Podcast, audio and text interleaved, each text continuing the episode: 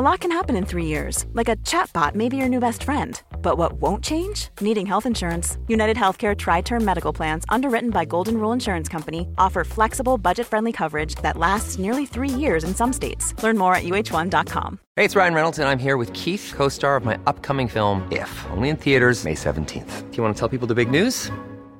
All right, I'll do it. Sign up now and you'll get unlimited for $15 a month in six months of Paramount Plus Essential Plan on us. Mintmobile.com slash switch. Upfront payment of $45 equivalent to $15 per month. Unlimited over 40 gigabytes per month. Face lower speeds. Videos at 480p. Active Mint customers by 531.24 get six months of Paramount Plus Essential Plan. Auto renews after six months. Offer ends May 31st, 2024. Separate Paramount Plus registration required. Terms and conditions apply if rated PG.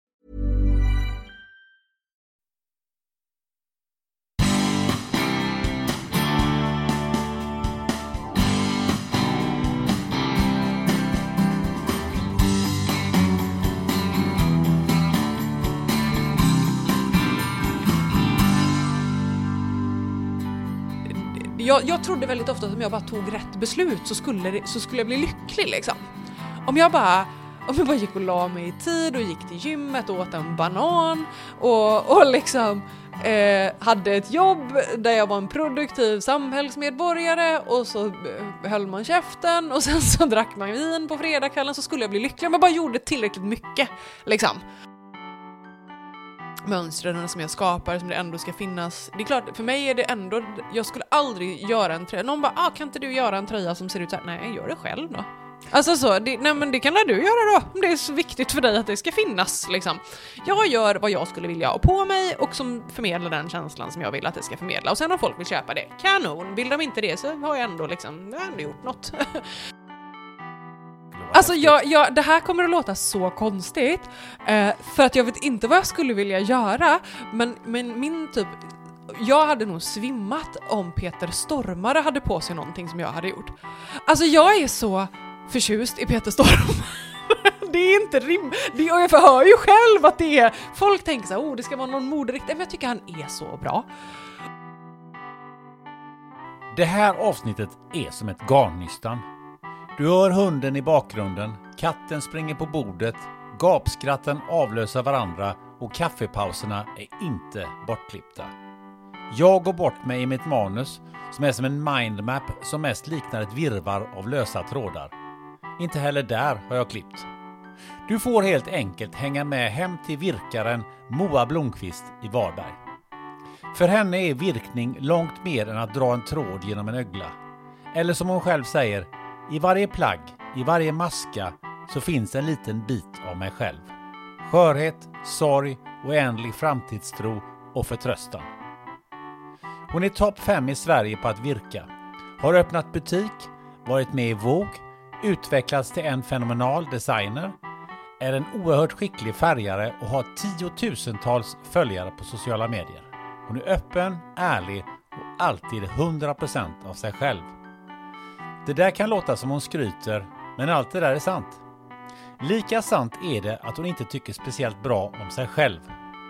Sen barnsben har hon varit psykiskt sjuk och när det var som värst fick hon kämpa för att överleva den kommande timmen.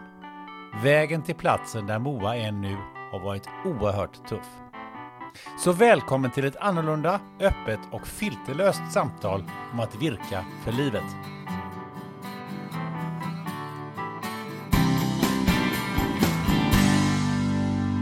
Jo, jag läste förordet till boken. Och så tänkte jag så här. Eh, det är ganska fantastiskt hur någon kan skriva så krispigt. Och samtidigt så är det så mycket. Och lite rörigt. Ja. Och det var, det var så här, det ställde faktiskt till lite grann, pro, alltså problem, jag ska inte uttrycka mig på det sättet, men, men typ så här, okej, okay, nu ska jag göra en intervju och det här. Det här är, det här är jättebra, och samtidigt är det så här, okej, okay, vi, vi, ska, vi ska strukturera upp det här. Hon har ju var... redan sagt allt. Liksom. Nej, nej, det, har, det, var, det uppstod skitmånga frågor, nej, men, men, samtidigt var det så här, alltså du måste ju vara extremt duktig på att beskriva eh, känslor och tankar med väldigt få ord. Har jag lagt märke till. Har du någon som har sagt det till dig? Eh, inte just de orden kanske, uh -huh. eh, men jag har ju väldigt ofta behövt förklara mig. Genom hela livet så har jag behövt förklara antingen hur jag mår eller förklara vad det är jag har skapat och det har alltid avkrävts ett varför. Och, och då blir man nog rätt bra på det, tänker jag. Att man, man tvingas man förklara någonting tillräckligt många gånger så, så lär man sig vilka ord man ska använda för att andra människor ska förstå. Tror jag. Ja. Nej, men det var, det var faktiskt någonting som jag, som jag tänkte på. Jag tänkte på det i morse. Jag tänkte, fan, det här är, det här är mycket grejer. Så det här är, så därför så är min, mitt manus ganska rörigt, men jag tror inte det kommer Nej, bli så men rörigt. det, det gör ingenting. Jag funkar Eh, bäst så. Moa P Blomqvist, välkommen till podden Spännande möten. Tack så mycket. Jag måste bara fråga P, vad står det för? Persdotter. Persdotter. Mm. Varför skriver du inte ut Persdotter? Att det blir för långt. Det är väldigt, väldigt långt. Eh, så att det fick vara ett litet P, men det var ändå viktigt för mig att ha kvar det. Du, hur, hur mår du? Jag mår bra. Idag mår jag bra. Idag mår du bra? Skulle jag säga. Ja. Det har varit en, en hektisk, hektiska veckor. Ehm, och med lite kaos som har uppstått ovanpå det planerade kaoset. Mm. Så att eh, det har, varit, det har varit rörigt, men eh, allting rer sig. Mm. Jag har som sagt ett ganska... Jag måste få panik i 15 minuter över saker och sen så kan jag gå vidare. Och så är det ett ganska enkelt förhållningssätt till, till livet, tror jag. Ja, det är ju härligt, men man klarar sig med 15 minuter panik. det räcker så. Ja. Men nu är det bra. Du, hur mår hunden? Eh, hon, hon är mycket ledsen. Hon bröt benet dagen före nyår. Eh, hon har inte så ont eh, och veterinären säger att det läker fint men hon måste ha tratt och gips och ligga i en bur och det är väldigt ledsamt, tycker hon. Det är mycket synd om henne, tycker hon. Mm. Jag har sett det att hon, eh, hon, eh, hon ser ut som att hon tycker synd om sig Ja, själv. men det gör hon. För vi är ju hemma hos dig, Det är vi. mm. här i Varberg. Vi har varit i din garnaffär. Det har vi. Mm. Vi har en hund som krafsar lite grann i bakgrunden. Men Ja. det tycker jag bara är mysigt. Ja. Ja, eller hur? Ehm, du, eh, vi, som sagt var, vi har varit i garnaffären. Eh, hur kommer det sig att du startade en garnaffär? Nej, men för mig var det, mitt, mitt mål var ju aldrig att mitt garnande eller att mitt skapande eller virkande skulle bli mitt heltidsjobb. För det var någonting jag bara gjorde liksom utöver mitt, just då jobbade jag som optikerassistent och när jag släppte mitt första mönster och sådär, det var verkligen bara att nu, det här kan jag göra lite vid sidan av för att det är kul och så kanske hobbyn kan betala sig själv sådär. Men, men sen så blev det som att det gick så väldigt bra väldigt fort och det har alltid varit Eh, liksom en, en långt borta dröm för mig att ha en butik, för att jag älskar att jobba i butik. Jag har jobbat i butik sedan jag var 14 tror jag. Eh, då fick man inte stå i kassa, eh, nu är så, så gammal är jag höll jag på att säga, man fick ändå jobba. Men, men jag har jobbat väldigt, väldigt länge i butik, tycker att det är väldigt, väldigt kul. Så att det föll sig så att när jag skulle ta då företaget Honse till nästa nivå så stod jag där och ska jag sätta mig i en studio eller ska jag öppna en butik? Och, och jag känner mig själv så väl att jag vet att sitter jag i en studio, jag kommer att rötna. Det kommer vara kul i tre veckor liksom, och så kan jag skapa och sen så blir det så här, nej men nu måste jag prata med folk ju. Jag måste ju få träffa folk liksom. Och då föll sig valet ganska enkelt på att det blev en butik. Sen så var det ju alltid, man skulle hitta rätt lokal och eh, det skulle funka och det är klart att det är en större liksom, ekonomisk eh, eh, investering eller vad man ska säga i en butik för du ska fylla den med varor kontra en studio som du bara behöver fylla med dig själv. Där hör vi. Det är, ka- det är katten. Nu är det katten. ja, men det är trevligt. Ja, det är, djur här Ja. är vi lite så. Ehm, nej, så att när, när jag väl såg den butikslokalen som butiken är i nu så kändes det väldigt, väldigt rätt. Liksom. Men vad är det för kul med en stor butik? Nej men det är ju framförallt kundmötet. Eh, jag är, många tror ju sen när man tittar, när man säger att man jobbar med garn eller att man, mitt jobb är virkning, som jag gärna säger för att det är det, det, det bästa sättet att sammanfatta det på.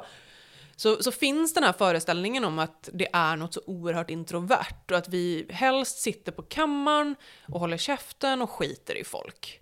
Och att det är så utbrett den liksom bilden av handarbetet, att vi är liksom några kufar och så tycker vi inte om folk. Jag är superextrovert.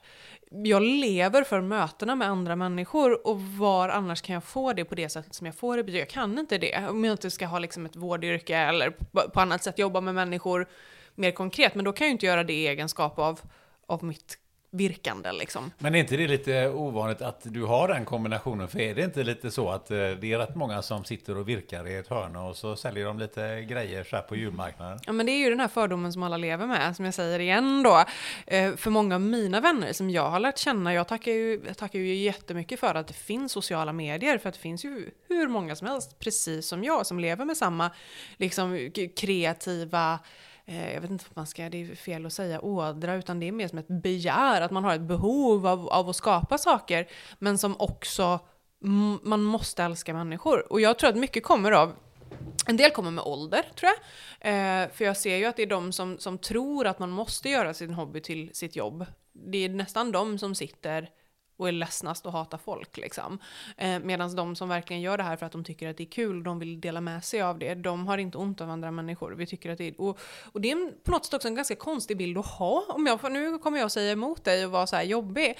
Eh, men, men i min värld har ju handarbetet alltid varit något jättesocialt. Alltså om vi tittar på min mormor som lärde mig, hon var på syjunta en gång i veckan. Där hon träffade sina när hon träffade sina vänner och de satt och sydde eller stickade eller virkade eller vad de nu gjorde.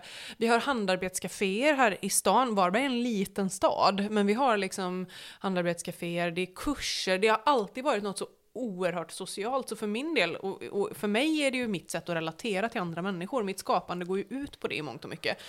Så det har aldrig känts onaturligt för mig, att det här är någonting som, som andra människor tar del av och bjuds in till. Det, det är nog bara en utifrån bild man har, att vi är superintroverta och tycker inte om folk. Liksom. Mm, jag tänkte jag lägger upp den här i, vad heter det, fördomen så ska vi se vad du säger. Eh, jag blev arg. Ja, härligt, nu är vi igång. Nu är vi igång.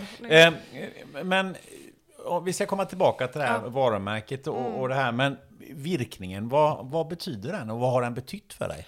Men jag har alltid varit kreativ och alltid varit pysslig. Sen är jag är uppvuxen i generationsboende. Så att jag och min mamma och min bonuspappa bodde på ovanvåningen. Och när min mormor gick i pension så flyttade hon och morfar ner från Stockholm och bodde på bottenvåningen. Så att jag var inte speciellt mycket på fritids. Eh, eller vad heter det? Ja, det heter fritids idag efter skolan. Utan jag var hemma hos mormor liksom. Min mormor var min bästa kompis. Och, och hon var väldigt kreativ också. Och inte bara med stickning och virkning utan i väldigt mycket hon målade och eh, var väldigt duktig. Men hon kom också från en generation där det inte liksom var någonting som man satsade på. Man skulle ha ett riktigt jobb, man arbetare liksom. Eh, men hon lärde mig i alla fall grunderna i det och sen så har det liksom bara fortsatt på något sätt. Jag kan inte säga att det har varit så här, från dag ett så producerade jag saker som var av så god kvalitet att jag hade kunnat leva på det, för jag var åtta liksom. Och det tog lång tid. Jag menar om det är någon som börjar när de är 20 så går det oerhört mycket snabbare för dem att komma till den nivån jag är på nu än vad det har gjort för mig, för att jag har hållit på så länge. Men det gör också att kanske att jag har en eh, hur ska man säga, lite annat respekt för hantverket, liksom så, på gott och ont. Men jag har hållit på liksom hela livet egentligen. Med garn. Och jag lärde mig virka först som sagt. Jag blev väl inte riktigt bra på det förrän kanske jag var liksom 15-16. Eh, uppvisade talang. Jag det tog, var ett par, många år liksom där i tonåren, så här, man skulle utforska sig själv och hitta sin liksom, kreativa, sitt kreativa utlopp. Eller, och, det, och det var aldrig någon liksom, fråga om om jag skulle få göra det eller inte. Utan jag kommer från ett hushåll där det är väldigt så det är klart att Moa ska göra vad hon vill. Liksom.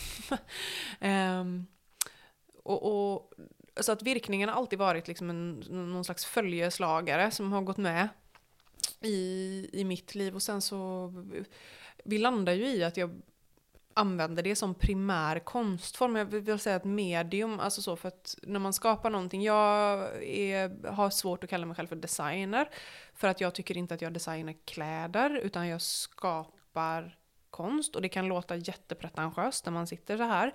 Men för min del är det att när jag, när jag gör en tröja då bär den väldigt mycket minnen. Det är mitt sätt att bearbeta livet. Sen att vi kom fram till att det blev tröjor, det var för att jag började göra kläder. Hade jag riktat in mig på, för det finns ju jättemånga eh, andra, andra typer av liksom virkning. Det, finns ju, det är ju lika brett som det, finns, som det finns folk som utövar det. Hade det varit att jag lärde mig virka små figurer eller reliefvirkning eller gjorde bonader så hade jag säkert fått utlopp för det som jag vill få sagt ändå. Eh, men vi hamnade i kläder för att jag började göra kläder i, ja, 20, jag var 25 kanske, 25. Men vad är det 26. du vill ha sagt? Nej men det berättar jag ju i varje plagg. Det är ju inte som att åh, hela mitt liv går ut på att berätta en sak i alla mina plagg som jag skapar. Utan det, det handlar ju om från liksom plagg till plagg. Men om vi tar en som är så superviktig, liksom, som har varit första mönstret som jag släppte, som heter Matriarken. Eh, den är med i boken sen där också, för det var liksom en sån non-negotiable från mitt håll. Den, den är, berättar historien om min mormor. Mm, ja, just det. Vi ska Ja. bara flika in att du har skrivit en bok. Ja, ja, förlåt. som heter Virka för livet. Det heter den. Det kommer du komma in på sen. Ja, Ja. fortsätt. Eh, nej men så den, den berättar ju historien om, om henne och min relation till henne. Sen förstår jag att det är inte jätteenkelt för alla andra att, att se på det jag gör och så tänka hmm, det här är nog det hon vill ha sagt. Det är inte, det, men det är inte meningen heller. Det är inte ens viktigt kanske. Nej, det är inte viktigt. Det viktiga är att jag har sagt det. Eller gjort det, eller liksom delat med mig av det på något sätt. Och sen att vi kan prata om det. Och det har ju varit väldigt tacksamt just i arbetet med min bok då, för att där har jag fått utrymme att faktiskt prata om det. Ehm, på ett sätt som, som är svårt annars, när du bara eh, lägger upp ett mönster, eller säljer ett mönster. Nu när det var där åtta år och började virka, um, hände det någonting speciellt med dig i huvud och kropp? Nej, men jag har ju varit psykiskt sjuk sedan jag var fem. Eh, och det är någonting som jag liksom alltid har varit väldigt, eller inte alltid, men de senaste åren har jag valt att vara jätteöppen med det. För att jag har kommit till en punkt i livet, berättar man allting så kan ingen hålla någonting emot en. Eh, och det gör en också, eh, jag ska inte säga att man, man blir ett offer, men, men, men man blir annorlunda.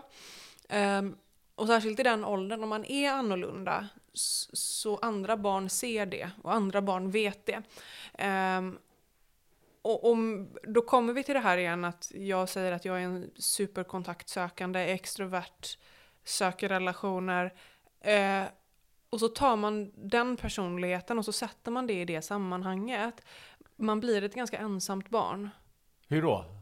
Eh, att hela tiden vara annorlunda eller fel eller inte passa in bland sina jämnåriga. Men hela tiden, men inte förstå den sociala koden att man kanske ska hålla sig för sig själv. Det, det blir svårt. Så att jag, och jag har inte jättemycket minnen från den tiden utan det är mycket vad man kan läsa sig till i journaler och vad mina föräldrar har berättat och sådär. Eh, men, men det var svårt. Jag, jag, som sagt, inte, jag tror inte det var så svårt för mig, för jag, jag tror inte att jag förstod. Eh, jag tror att det blir svårt för alla andra att, att se det utifrån. För att jag förstod ju inte hur dåligt jag mådde kanske förrän jag var 12. Och det var då jag började må, må dåligt av att jag mådde dåligt. Fram till den åldern, där var det ju liksom i min, min hjärna funkar ju på ett annat sätt än vad andra människors gör, på gott och ont. Jag tror att det är ett, um, ett avkall, alla de här negativa grejerna som jag, som jag handskas med. Det, det är priset jag får betala. Men för. eh, kan, eh, så, att, så att jag förstår, men du säger att du är väldigt social, Mm. men samtidigt, och så placerar man dig i ett socialt sammanhang, det var antagligen det är det du menar. Och sen blir det fel. Vad är, vad är det som blir fel Att i man, är, kon- sammanhanget? att man är konstig. Jag Vadå tror att man konstig? försöker för mycket. Eh, det är svårt för mig att se utifrån som barn. Alltså så här, eller utifrån, för att det, det här är snart 30 år sedan liksom. Eh, man är, för i, min, i mitt fall, om vi ska tala klarspråk, jag var för smart för andra barn. Jag eh, var för intelligent, vilket gjorde att andra barn hade svårt att relatera till mig. Eh, och det gjorde att jag istället sökte mig till andra vuxna, men vuxna ville ju inte ha med mig att göra heller. Alltså så, nu menar inte jag att vuxna var otrevliga, men, men jag var ju ett barn, så att man hamnade i det här glappet mellan vilka man kunde relatera till och vilka som kunde relatera till en tillbaka. För det var ju ingen som kunde relatera till mig, men jag tyckte ju att jag kunde relatera till alla andra. Men hur var det i skolan då? Då måste det varit eh, oerhört lätt för dig i skolan då? Ja, eh, rent eh, akademiskt ja. Sen socialt, inte kanon. Tillbaka till frågan. eh, vad, vad, eh, på vad sätt påverkar dig då virkningen? Det blir ju ett sätt för mig att försöka göra mig förstådd. Om jag kan ibland ha svårt, du säger att det är, jag har ett sätt att, att använda mina ord för att beskriva saker lätt och slag, för det har ju inte alltid varit så. Det har ju kommit utifrån att jag hela tiden har behövt förklara. Eh, och jag behöver väldigt ofta lägga om mitt språk eller använda mitt språk på ett sätt så att andra människor kan förstå. För att jag har ett annat sätt att tänka på. Eh, och jag tänker, jag, jag vet inte hur jag ska förklara det här på bästa sätt nu. Men, men det är väldigt många stora känslor i mig jag känner väldigt, väldigt mycket, väldigt intensivt. Eh, och så säger man att man är en känslomänniska och då tror folk bara att man är ledsen. Men jag känner ju alla positiva känslor väldigt starkt också. Och ibland kan känslorna vara så stora att jag har svårt att sätta ord på dem. Oftast är känslorna så stora att jag har svårt att sätta ord på dem. Men jag kan inte bara gå och bära på dem, för att de, de har ingenstans att ta vägen. Jag fylls upp liksom som en heliumballong. Alltså så här, till slut så spricker det om, om jag inte får utlopp för det. Och för mig har det varit i mitt konstnärskap. Och mitt konstnärskap i det mediumet jag använder, det är min virkning. Så det har blivit ett sätt för mig att, att, behandla mina känslor och på något sätt försöka göra mig förstådd inför andra människor. Att, ja, men för mig om jag tittar på ett plagg som någon har gjort, nu menar inte jag eh, att man går någonstans och köper någonting, men om jag kan se någon som verkligen har lagt en känsla bakom, jag kanske inte kan förstå känslan, men jag kan se att det finns en känsla. Och det är det jag hoppas att andra ska kunna se i vad jag har skapat. skapar det någon sorts lugn i huvudet? Med ordning på tankarna? Det kan det göra. Eh, inte med, inte på det sättet som jag tror att många tror, för många tänker att det här är så meditativt att sitta där och, och det kan det säkert vara eh, för folk som har det som en hobby. för mig är det ett jobb, det är liksom, jag måste göra saker med, med, med, intention och jag måste, det måste bli rätt, annars så blir det ju att man blir missförstådd liksom. Mm. Eh, men det kan vara väldigt rogivande när jag väl är klar med någonting och det har blivit som, som jag tänker mig, för att då blir så här, okej okay, nu har jag sagt det, nu har jag gjort det, nu har vi tagit oss igenom detta liksom. Men tar du in lika mycket som när, när, du sitter och virkar som om du skulle göra när du, eh, när du sitter på ett, ja, men på ett kontor eller något sånt där? Hur menar du då? Nej, jag menar så här.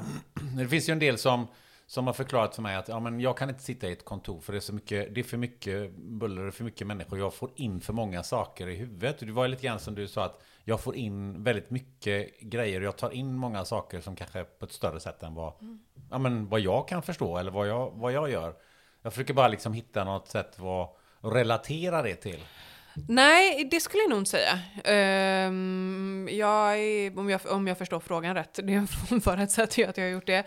Men, men jag tycker inte att det, det är inte på det här att jag har ont av att det är mycket ljud eller att det händer saker eller att det är mycket runt omkring. Jag menar, mitt konstnärskap är ju väldigt portabelt. Jag tar ju med mig min virkning överallt. Jag sitter ju på bussen och på tåget och när jag pratar med andra människor. Och hade det liksom inte stört så hade jag suttit här nu och virkat. För att det, det är liksom ingenting som det, det, påverkas ganska lite av det som händer precis här och nu. Sen har jag nog en förmåga kanske att separera mina mina tankar kring saker.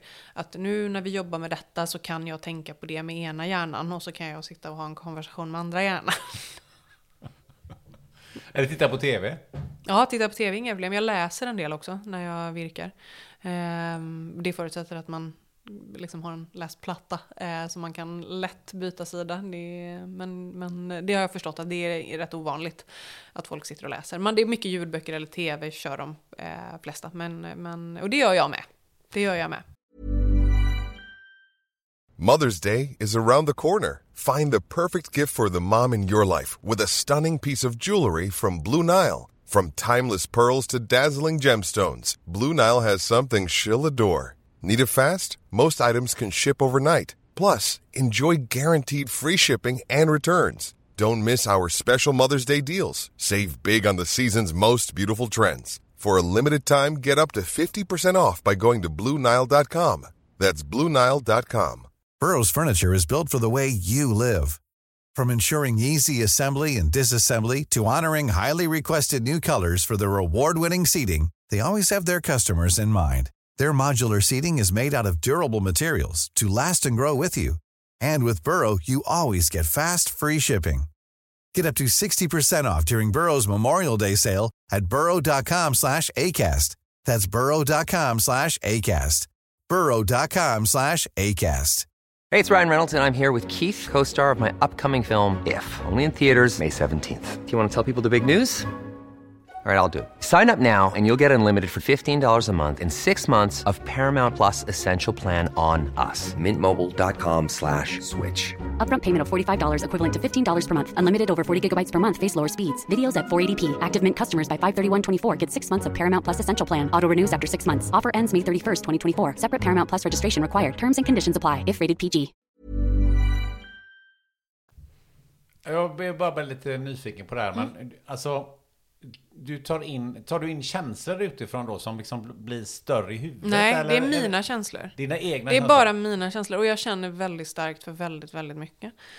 Och andra människors känslor, det är klart att jag påverkas av dem. Jag vill ju inte att folk ska vara ledsna. Och är någon glad så blir jag glad. Alltså så, men inte mer än att, inte på något sätt att man har, vad folk kallar för att man är en empath, liksom. Det är inte det. Utan det är bara mina känslor kring saker är väldigt stora.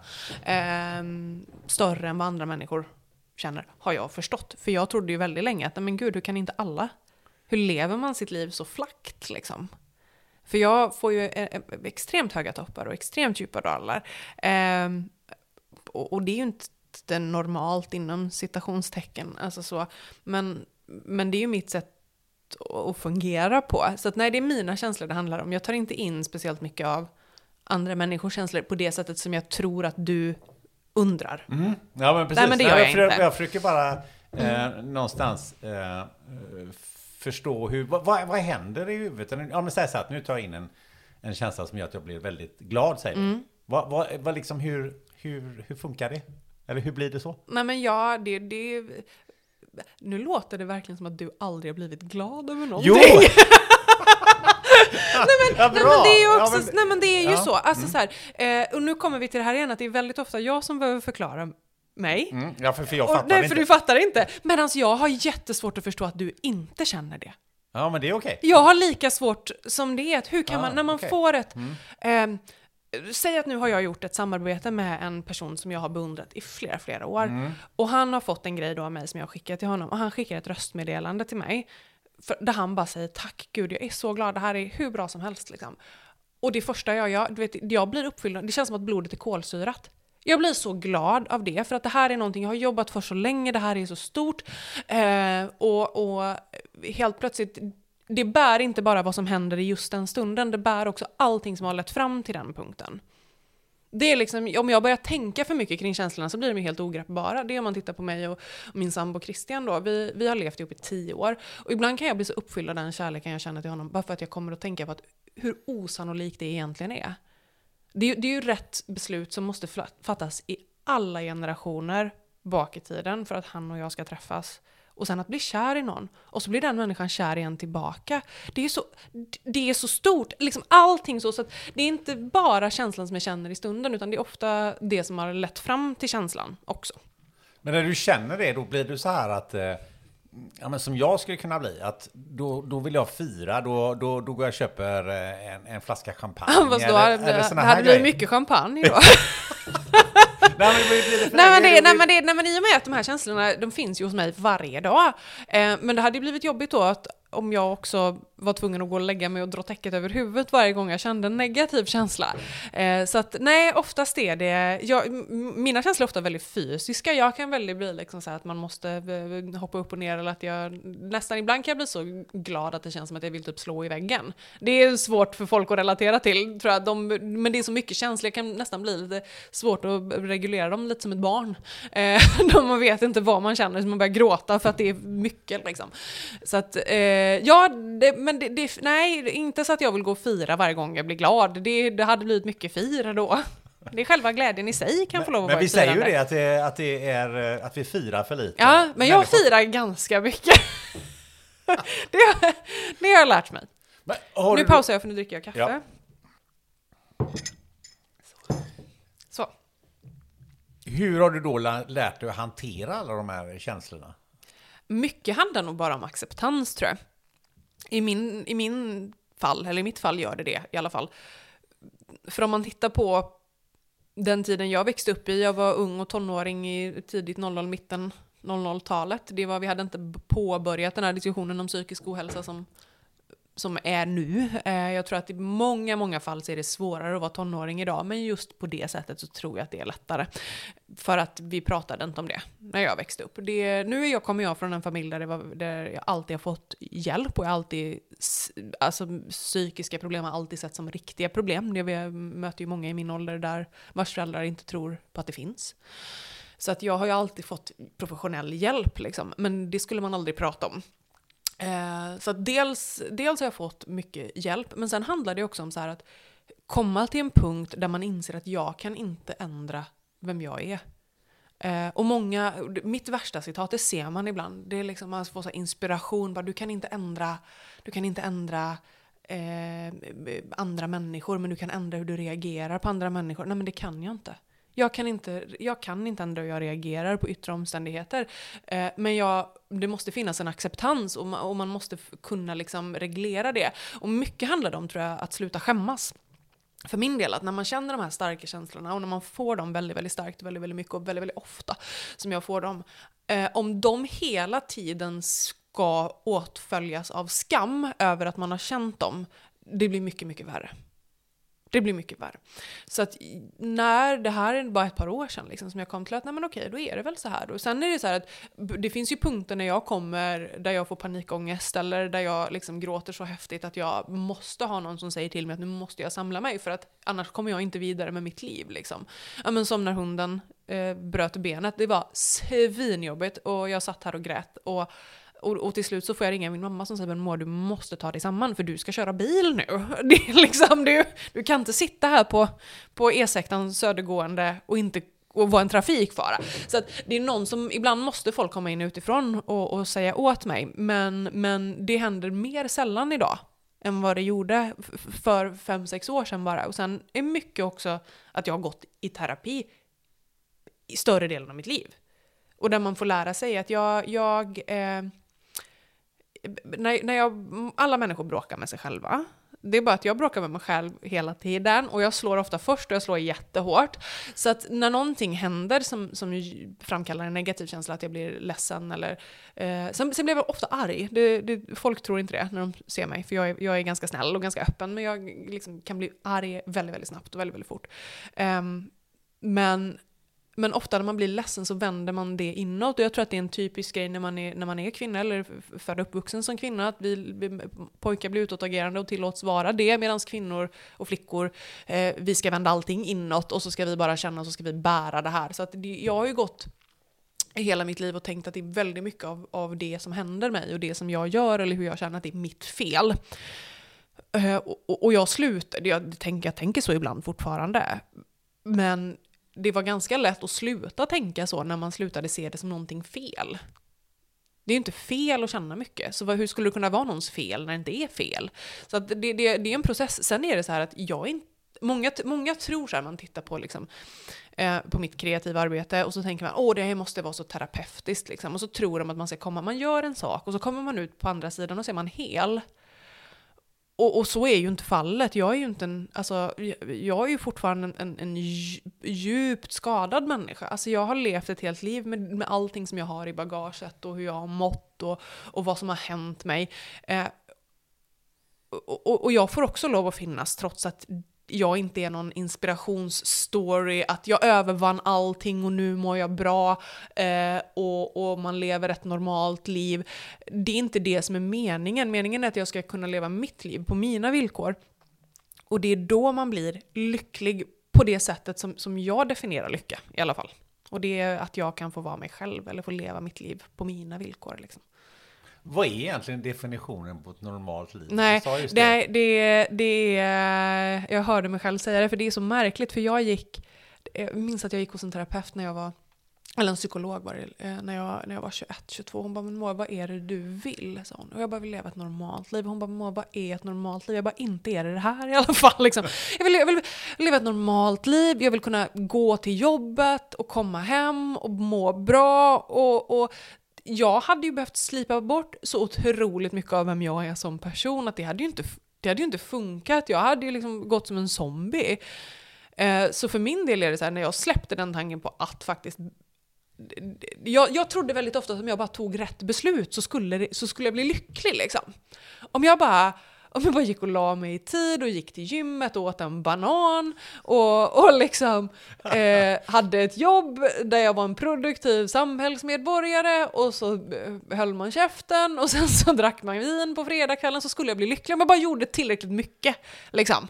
Om jag gjorde det tillräckligt mycket och tillräckligt hårt, om jag bara ville det så skulle jag bli lycklig på slutändan. Men, men det blev man ju inte. Jag mådde ju sämre när jag försökte göra så. Liksom. Men är det inte lite det här att eh det är ju så de flesta gör och det finns en massa människor som mår dåligt av det. Ja men vad fan, det är ju liksom så det är. Det är ju så det är. Eh, så att jag fick ju på något sätt ta mig själv bort från det och bara sätta mig utanför. Jag menar, jag mår ju bättre än vad jag någonsin har mått. För att jag får leva på ett sätt som, som är kompatibelt med mig och jag tillåts fungera på det sättet som jag fungerar. Sen vill jag gärna ha det sagt att jag tycker inte att bara för att jag sitter och säger så här att man, man ska tillåtas leva på, på ett sätt eh, där, man, där man själv mår bra. Eh, det är inte att gömma sig bakom sin psykiska ohälsa eller att använda det som undanflykt eller att strunta i att arbeta med sig själv. För det har tagit över 20 år av jobb att komma till den här punkten det, jag tror att man gör sig själv en otjänst om man tänker att alla andra bara ska acceptera att jag är så här. Eh, det handlar inte om det. Man, man ska acceptera att man själv är så här, så att man kan jobba med det som är jobbigt. För att alla förtjänar att må bra och leva ett, ett liv som är bra, men man måste också göra jobbet för att komma dit. Jag tänker på det här, eh, för du var inne på det här eh, med att dricka vin på fredagar och mm. det här. Det är ju väldigt mycket ett vanebeteende. Mm. Och jag har själv en fundering på att jag ibland inte begripit människor som går till jobbet och gör exakt samma sak mm. varje dag. Och så tänker jag att de här människorna må, måste ju må dåligt. Men det gör de ju faktiskt Nej. inte. Utan de mår ju faktiskt jättebra. Mm. De skulle må jättedåligt om de inte skulle få göra samma mm. sak varje dag. Jag tror att det är det här är bara ren spekulation, jag har liksom ingen, ing, men det är så jag tänker kring det. Att jag är en människa som identifierar mig väldigt, väldigt mycket med mitt jobb. Och det har jag alltid gjort. Oavsett vad jag har jobbat med så är det, eh, det är viktigt för mig att jobba. Och jag tycker att det är kul att jobba. Eh, och mycket av mitt liv handlar om mitt jobb. Jag har förstått att det är nog inte alla människor som gör det. Mycket av deras liv handlar om deras hobbys, eller deras familjer, eller deras barn, eller, eller något annat liksom mitt liv, det är klart att jag, jag älskar ju min familj och, och liksom mina djur och, och mina hobbys. Eh, men mitt jobb är ändå någonting jag ska göra åtta timmar om dagen. Därför måste det vara för min del är det viktigare att jag har roligare där, liksom, på något sätt. Jag, men jag tror att andra människor, jobbet är inte det viktigaste i deras liv. Vilket innebär att man kanske nöjer sig på ett annat sätt. Man går ja, gör vad man ska. Ja, och jag tänker också att eh, Eh, många människor eh, gillar inte när det händer för mycket grejer alltså. alltså men som, som du beskrev det, det, det, du är kreativ, det måste hända grejer, mm. eh, det är känslor, det är, det är berg och dalbanor mm. och så vidare. Men det finns ju många människor som där du skulle säga så här, men det är exakt likadant. Det är samma mm. nivå hela tiden. Mm. Men de skulle må dåligt av om det skulle börja och bli lite för mycket pendlingar där. men och det är väl bra höll jag på att säga. Eh, tänk vad jobbigt samhället hade varit om det bara var folk som jag. Vi hade fan inte, det hade ju inte gått att funka, inte en enda samhällsfunktion hade ju funkat. Jag är ju fan helt hopplös. Så det är väl jättebra att det, Jag vill ju inte ha någon som mig som sitter och handlägger folk på Arbetsförmedlingen. Det hade ju inte funkat liksom. Nej men alltså så, om vi, ska, om vi ska vara helt ärliga, det är ju tur att det finns olikheter, annars hade du ju bara stått still eller hade haft jättetråkigt allihop. Alltså, nej, jag, är, jag har svårt att relatera till dem, jag är jävligt tacksam för dem. Förlåt att jag svär så mycket. Du säger att, att du, du kände skam över hur, hur du var. Varför känner man skam över det? Eh, dels tror jag mycket tiden man, man växer upp i det är klart att när, som jag sa idag, jag tror att det är mycket lättare på vissa avseenden att vara tonåring som mår dåligt idag, eller vara ett barn som mår dåligt idag. För att du har en helt annan öppenhet kring det och man pratar om det på ett annat sätt. Eh, när jag växte upp så skulle man inte prata om det. Det var liksom, jag, visst, jag fick den hjälpen jag behövde, men, men man fick ju aldrig berätta för folk varför man var hemma från skolan en dag. Varför det? Nej men, det, nej men det kunde man ju inte säga. Nej, det, förstod, då? det förstod man ju själv, liksom, att det var, fan social, det, var ju, det var ju socialt självmord. och berätta hur dåligt man mådde. Alltså, eh, att jag fick lära mig att det, det, skulle vi bara gömma och så ska vi inte prata om det. Och så, och så alla vuxna man mötte som mådde eller mår som jag, det var ju bara de där det gått åt helvete för. De som kom och pratade i skolan om liksom deras uppväxt och hur de hade mått och sådär, som var öppna med det, det var ju folk som hade liksom suttit på kåken i 20 år. Alltså, alltså det, det fanns inga exempel på att det går att leva ett, ett bra liv om man mådde dåligt, vilket innebär att okay, om, jag om jag nu ska klara av det här, om, om jag nu ska liksom kunna leva tills jag liksom är, är gammal och dör av hög ålder, eh, då, måste jag, då måste jag jobba med det här. Jag måste nöta bort den här delen av mig så mycket eh, så att den inte tar någon plats. Liksom. Och, och så, så försöker man med det, men sen inser man att det går ju inte. För att eh, man är ju summan av allting som har hänt en och man är summan av alla sina erfarenheter. Eh, och man är summan av sin mor och sin far. Men man blir också på något sätt, alltså man försöker ju omforma sig själv hela tiden för att passa in i, i, i tidsåldern vi lever i eller den, det samhällsskiktet man tillhör. Vilket gör att jag försökte och jag tänkte att det här bästa sättet att göra det här på det är om jag bara blir frisk. Så tänkte jag. Jag bara, om jag bara blir frisk här nu då. Men var det någon som sa att du var sjuk då? Ja, nej, men jag har ju haft diagnoser sedan jag var sex liksom. Ja, men är det... Ja, men då, Vad är sjuk? Ja, men då, det, det, eh, jag tror att det sågs på det på ett annat sätt. Det gör inte det idag. Idag ser man någonting, det finns, jag tycker förvisso att det är, jag, jag får en liksom hel, så här, helkroppsrysning av obehag när folk säger att ah, men det här är min superkraft. Jag bara, mm, jo tack. Eh, det tycker inte jag. Jag tycker inte att på något sätt att mitt dåliga mående är en superkraft. Eh, men nu har jag kommit ifrån vad frågan var igen. Nej, men... Eh, eh, ja, det kommer jag inte ihåg. inte jag heller. Nej, men... mm, nej, men... eh, Nej men, ja, ja, ja, nej, men skam, lite. ja, men det var, nu kom jag på det. Nej men och då tänkte jag så här, om jag bara, om jag bara tar bort allting som är dåligt med mig, nu, nu säger jag dåligt inom väldigt kraftiga citationstecken, för det var så jag såg på mig själv då liksom, och det var något fel. Men om jag tar bort det så finns det ju ingenting att skämmas för. Då finns det ju ingenting som, som någon kan liksom säga att oh, hon är sjuk i huvudet liksom. Det finns ju ingenting, om jag bara tar bort, men det, det funkar ju inte så. När man, när man har, jag har ju fel i hjärnan liksom. Det funkar ju inte att säga att nu ska jag ta bort den här delen, det finns ju inget kvar liksom. Utan det, det handlar ju om att man ska på något sätt lära sig leva med sig själv. Men vilket utrymme fick du i skolan för att, för att, så att säga, ändå klara dig? För du klarade det, som du sa, rent Ja, intellektuellt. men rent akademiskt klarade jag mig jättebra.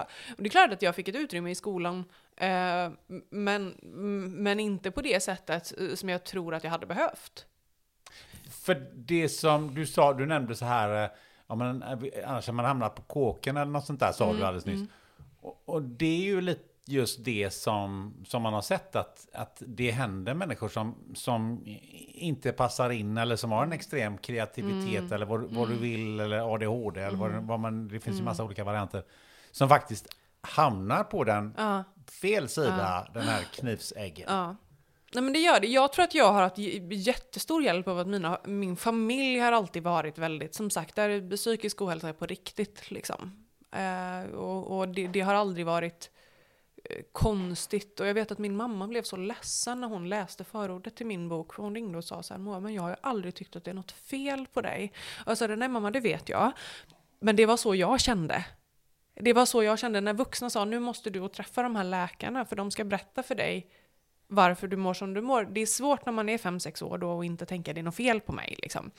Så att jag, jag tror att jag har haft jättestor glädje av att mina, eller stor glädje eller fel, men, men jag, och det, det är väl klart att jag tycker att det ska vara en självklarhet för alla. Eh, men att mina föräldrar har på något sätt alltid accepterat hur jag är. På vilken plats person. tror du att du hade varit om, om det inte hade varit så? Att mina föräldrar, äh, eh, nej men inte här. I alla fall.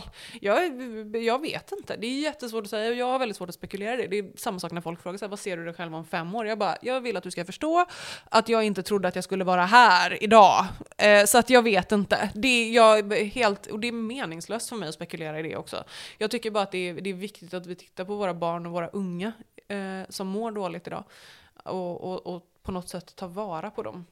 Ja, men ändå du säger att då trodde, jag trodde inte att jag skulle vara här. Nej. På den här platsen. Nej. Och vad trodde du att du skulle vara någonstans? Strödd i minneslund. Hur då? Varför då? Att jag inte skulle leva. Hade du sådana? Ja, ja. Nej men, hel, nej men alltså det är ju så här, det, det, jag, jag, jag liksom, det var så ogreppbart för mig i den åldern att tänka att jag ska leva när jag är 31. Liksom. Det, det fanns inte. Det gick inte. Det, det, för att, för att, det, det, och jag tror att det är svårt för folk som inte har mått så psykiskt dåligt att förstå att ibland är det en kamp att bara överleva nästa timme.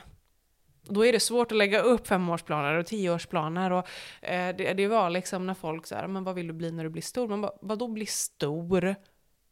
Nej men det, det, det är ju jättekonstigt. Alltså, ehm, det, det, det, nej, jag kan, inte, jag, kan, jag kan inte svara på liksom vad som hade hänt eller vad som inte hade hänt om jag inte hade fått den hjälpen. Men jag tror att vi kan gissa oss till.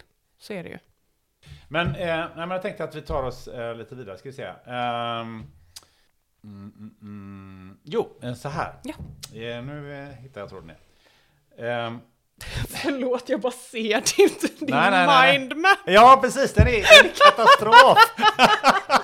Inte så här, jag tänkte mig att det kanske var någon punktlista, nej, nej, nej, nej, nej. Det, visst är det. Den är helt crazy. Ja, det är fantastiskt. Ja, men jag tycker det, det, det är så jag ja. lever mitt liv Ja, också. precis. Men jag tycker att det, man kan ha, ha det som utgångspunkt. Det här är ingen livepodd, det sitter inte hundra pers och Nej. Då får man, du hade inte kunnat göra Nej. så här. Nej. Det är bra. Eh, du, tillbaka till... Eh, du har ju ett varumärke Ja, som heter Honse. Honse. Vad betyder det? Eh, Honse är en förkortning faktiskt. Det, det, sen är det ett bra namn, för jag var viktigt för mig att det inte skulle vara så låst till just virkning eller stickning eller garn. Liksom så. Eh, utan det står hook, står, eller H står för hook, eh, det är virknål på engelska, O är ett och så som vi gärna skriver det i Sverige, ett O med en, eller en cirkel med liksom en streck under. N står för needle som är stickor på engelska och så S är för Sverige. Men vet, du vad, har du googlat på Honse någon gång? Nej, Nej, det är ju någon sorts förvrängd häst. Ja, nej, ja, ja, det är någon som har, det har mina, mina gruppchatten har informerat mig om detta. Det Eh, Egentligen var det, när jag började så var tanken att det bara skulle vara HNSE. Eh, men sen blev O, nej det kom in där så att, ja. Va, va, vad är det för varumärket? Vad står det för? Uh, nej men det, det handlar ju om att det ska bli en kreativ plattform där jag kan få dela med mig av mitt. Sen, sen fyller det ju många funktioner, eller det är mycket som ryms i det, i och med att jag gör så otroligt mycket. Eh, jag brukar kalla Honse för ett artistnamn snarare än ett varumärke. Jag, jag säger att det är liksom, jag, jag verkar under det artistnamnet, för att det är lättare för mig att säga än att det är ett varumärke där vi säljer garn, för att det är inte hela sanningen. Hela sanningen är att jag i egenskap av Honse gör hur mycket grejer som helst. Det är föreläsningar och det är kurser och det är, jag sitter här och pratar med dig och jag har en butik och jag skriver en bok och jag säljer mönster och jag är influencer. Alltså, då är det mycket lättare att säga att Nej, men jag är Honse och så det som är där i, det är det, vad jag känner för den dagen. Så nästa gång eh, som vi, du gör en återkomst i den här podden Ja. så, så är, presenterar jag det som Honse. Ja, kan det, vara, kan det göra. Nej, men jag, jag är liksom, det har alltid varit en, en väldigt... Eh, jag, jag tycker ju att alla kreativa människor, oavsett vad man har för, för utlopp för det, eller för medium för det, har mer gemensamt än vad som skiljer oss. Eh, och jag är oerhört intresserad av rap battles, har liksom alltid, ja, som de senaste tio åren i alla fall, följt det och varit väldigt intresserad. Och där är det ju så att, där, till och med när de presenterar sig utanför scen, så presenterar de sig med sina artistnamn. Du, för de som inte vet vad rap battles Ja, är, det är svårt. Det är, åh gud, det är, och folk har ju ingen referensram för detta heller, för det är Nej. ju så nischat och det finns ju typ inte i Sverige heller. Det, det är hiphop ehm, som man kör a cappella, så du har inget, ingen musik i bakgrunden. Eh, det är två eller fyra som möts och så rappar de till varandra med eh, olika, ofta ska det, det, det ska ju rimma och, och det handlar eh, om att bräcka varandra egentligen. Sen är det ingenting som är bedöms, alltså så, det är ingen jury och det finns ingen klar vinnare utan det är publiken som väljer vem som vinner. Men det är ju en hel industri i USA, det är ju jättestort. Eh, många känner igen filmen 8 Mile med Eminem. Eh, Eminem började ju som battle-rappare då. Eh, och det är den, den, van, eller den största referensen. Han fick en Oscar tror jag. För den. Ja, han fick Oscar för bästa, bästa musik. Ehm, Rappar du själv? Nej, ingenting. Ingenting. Ka- Skulle, nej, gud, jag skulle aldrig klara av det. Jag blir ledsen om någon typ tittar på mig sätt. Så det, är så jag, det, det handlar ju om förolämpa varandra. Men jag är oerhört intresserad av det. Följer det som andra människor följer all, allsvenskan. Liksom. Mm. Vad va, vad är det som är grejen med det? Nej, men det är ju också en oerhört kreativ. Det är ju jättekreativt och det är väldigt lätt. Det är också, jag tror att det är, för jag pratade i en av dem som jag har gjort samarbeten med nu. Vi pratade om detta just att man möter så otroligt mycket fördomar i sitt... För han lever heltid på- det liksom, och det han gör och jag lever heltid på det jag gör. Och så tittar folk på oss utifrån och så ser man att nej men gud, han måste ju vara en gangster liksom. Och det är bara, du vet så här, och så tittar man på mig och så tänker man nej men det är en liten tanta. Men i san, alltså, liksom så sanningen är ju att han och jag har jättemycket gemensamt. Eh, och jag är, och det, tycker det är oerhört imponerande. Det är, jätteimpo- det är en imponerande konstform. Eh, det är liksom... Eh, jag kan ju sitta och, och se om matcher som har varit riktigt bra. Alltså det är liksom så här, och, och Christian och min sambo, han vet att han kan inte komma och störa mig för det går inte att få kontakt med mig när jag sitter och tittar. Liksom. Han tittar inte på sånt. Nej, nej. Eh, så att det, det är ju, eh, när jag, och, och så försöker man introducera kompisar till och de, vissa säger så här, jag bara hur skulle du beskriva detta? För jag får ju frågan rätt ofta liksom. Hur, vad, vad är det som, och de bara, det är ju, det är ju som väldigt, väldigt arg poesi. Det handlar ju, det är också ett sätt att uttrycka känslor. Eh, eller berätta någonting om sig själv. Eller, jag tror att det, jag är, jag, jag berörs väldigt mycket av konst generellt. Liksom. Jag kan bli väldigt, väldigt rörd när jag går på museum. Eh, mm. Oavsett, och, och, samma sak med, med liksom scenkonst, allting. Och jag tror att det är bara att jag har, eh, som andra kan bli berörda när de läser en riktigt bra bok, så kan jag bli väldigt berörd av att se en bra battle. Liksom. För att ofta är det, det, det är ju ofantligt, alltså de, de verkligen tänjer ju gränserna för vad man kan göra med det engelska språket då. Alltså det är ju ingenting på svenska, men nej, det är riktigt, riktigt bra. Jag är, och det, det, är oftast det som folk blir mest förvånade över när man säger oh, vad är dina intressen? Ja, men det, är, det är virkning och rap battles. De bara okej, okay, det var, vi var på väldigt... De bara har du ingenting däremellan? Jag bara gillar böcker också. ja, för du, man måste vara ganska bra på engelska. Ja, nej men det får man nog, det får man ju vara. Mm. Eh, alltså så, för att kunna hänga med. Sen är det ju, ibland är de ju så snabba så att jag måste eh, alltså titta på det flera gånger för att förstå allting. För din Instagram är ju på engelska. Ja, det är den. Och eh, du har ju en del film där. Ja. Och jag la ju märke till att eh, du pratar fantastiskt bra engelska. Nej men det, tack först och främst. Sen är det, jag pratar egentligen inte jättebra engelska, det är bara att jag är helt orädd för att säga fel. Det jag tror att många gör det om vi tittar på liksom folk som ska prata engelska så är man, man är så rädd för att säga fel ord eller använda fel böjning på saker att man stakar upp sig. Ja, bara blir det fel så blir det fel. Folk fattar väl vad jag menar. Men så är det mycket när jag pratar på svenska också.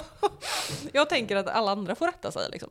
Ja, men intonationen och... Jo, men, nej, men det kommer ju från att jag pratar engelska hela tiden. Jag pratar engelska minst en gång om dagen liksom med mina kompisar på nätet. Jag skriver ju mycket på engelska.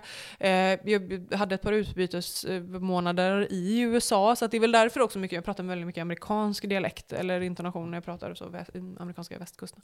Um, men uh, till skillnad då från många i Sverige som pratar brittisk engelska. Så jag tror att det är det som gör att folk upplever att jag är väldigt bra på engelska. Sen är det jag inte dålig, det säger jag inte. Men jag är inte så bra som folk tror. Jag är bara helt orädd för att det ska bli fel. Liksom.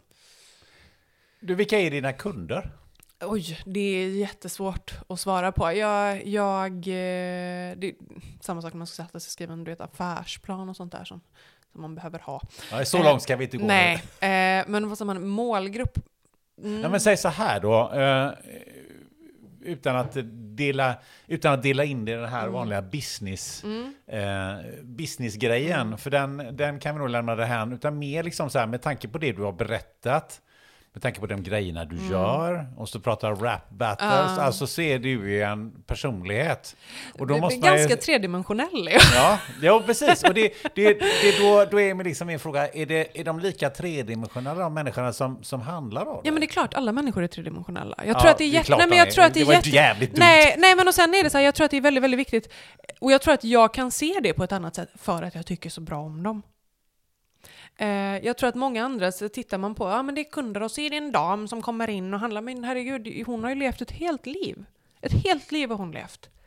Liksom om vi tittar på min mamma, man bara så här, hon är i den åldern som många av mina kunder är. Hon var punkare på 80-talet. Alltså så, det är klart, hon har ju levt ett helt liv också.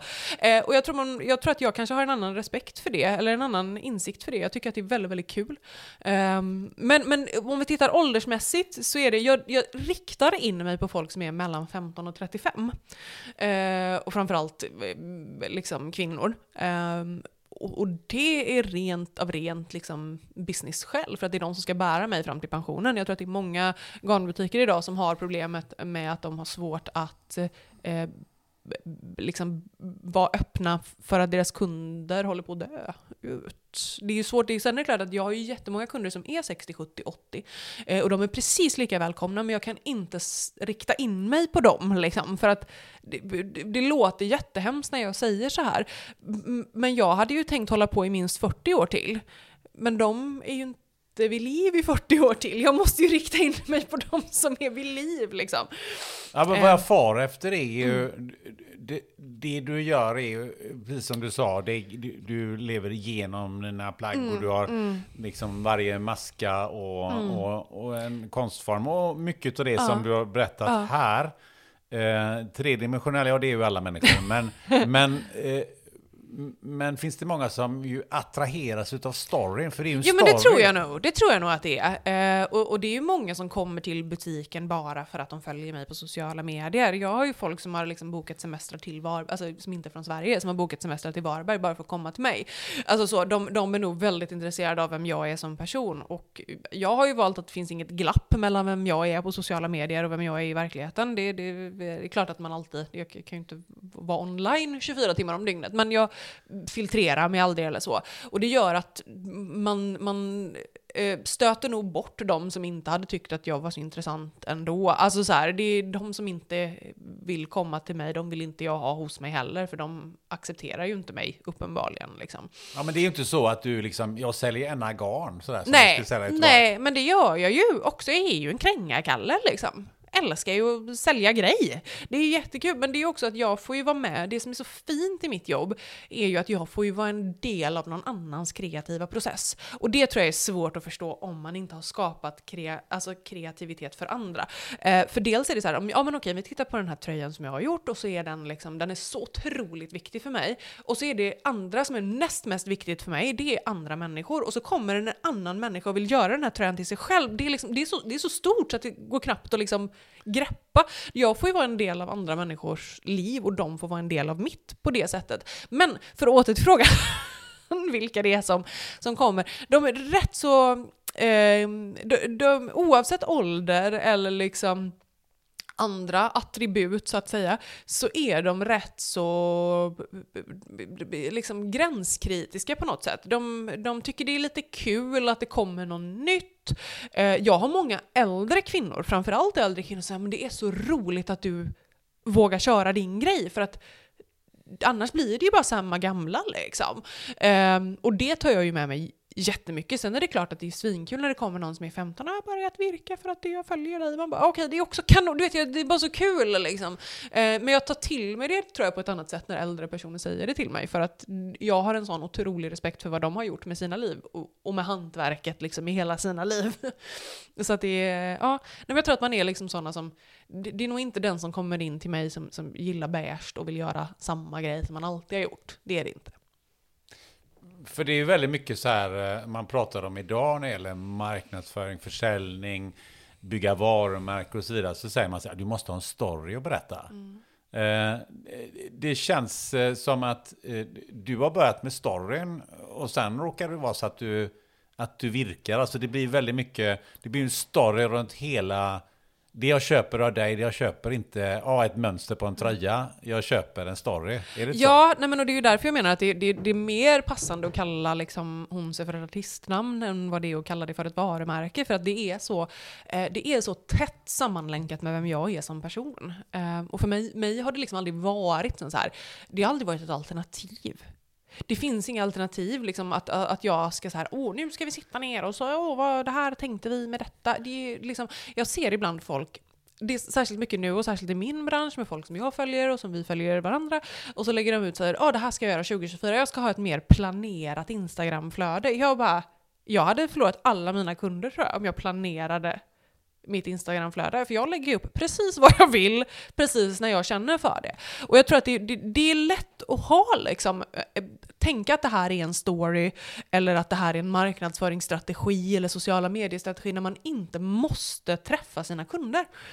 För att de andra kan ju, säga, de kan ju säga exakt vad de vill på sociala medier och så, sen så stänger de telefonen och så sitter de i soffan liksom, och har inte tvättat håret på tre dagar. Alltså så här, man får lov att göra det, men min, rent teoretiskt i alla fall så kan varenda person som följer mig på Instagram komma och träffa mig i verkligheten onsdag till lördag varje vecka. Liksom det, jag kan inte hindra dem. För att jag vill inte. De kan komma till butiken och då, är det, då, då får min sociala mediestrategi inom kraftiga citationstecken vara att jag är jag. För och att- det är väl lite det som är din styrka, eftersom jag själv har bakgrund i både marknadsföring, Ja, kommunikation och haft reklambyrå. Och för mig är det lite, det är lite Apple, det är lite du, Ja. det är lite, ja men det finns ju ett antal sådana varumär- varumärken som har ett väldigt starkt why, alltså Mm. varför håller jag på med det här? Eh, känns ju som att du, du där har, att, att det finns en paketering där det som... är det som- finaste jag har hört tror jag. Ja men det, det, det, det har flugit mig i huvudet. Tänkte att ja, men här, är, här är någon som har ett... Och det tror jag väl är...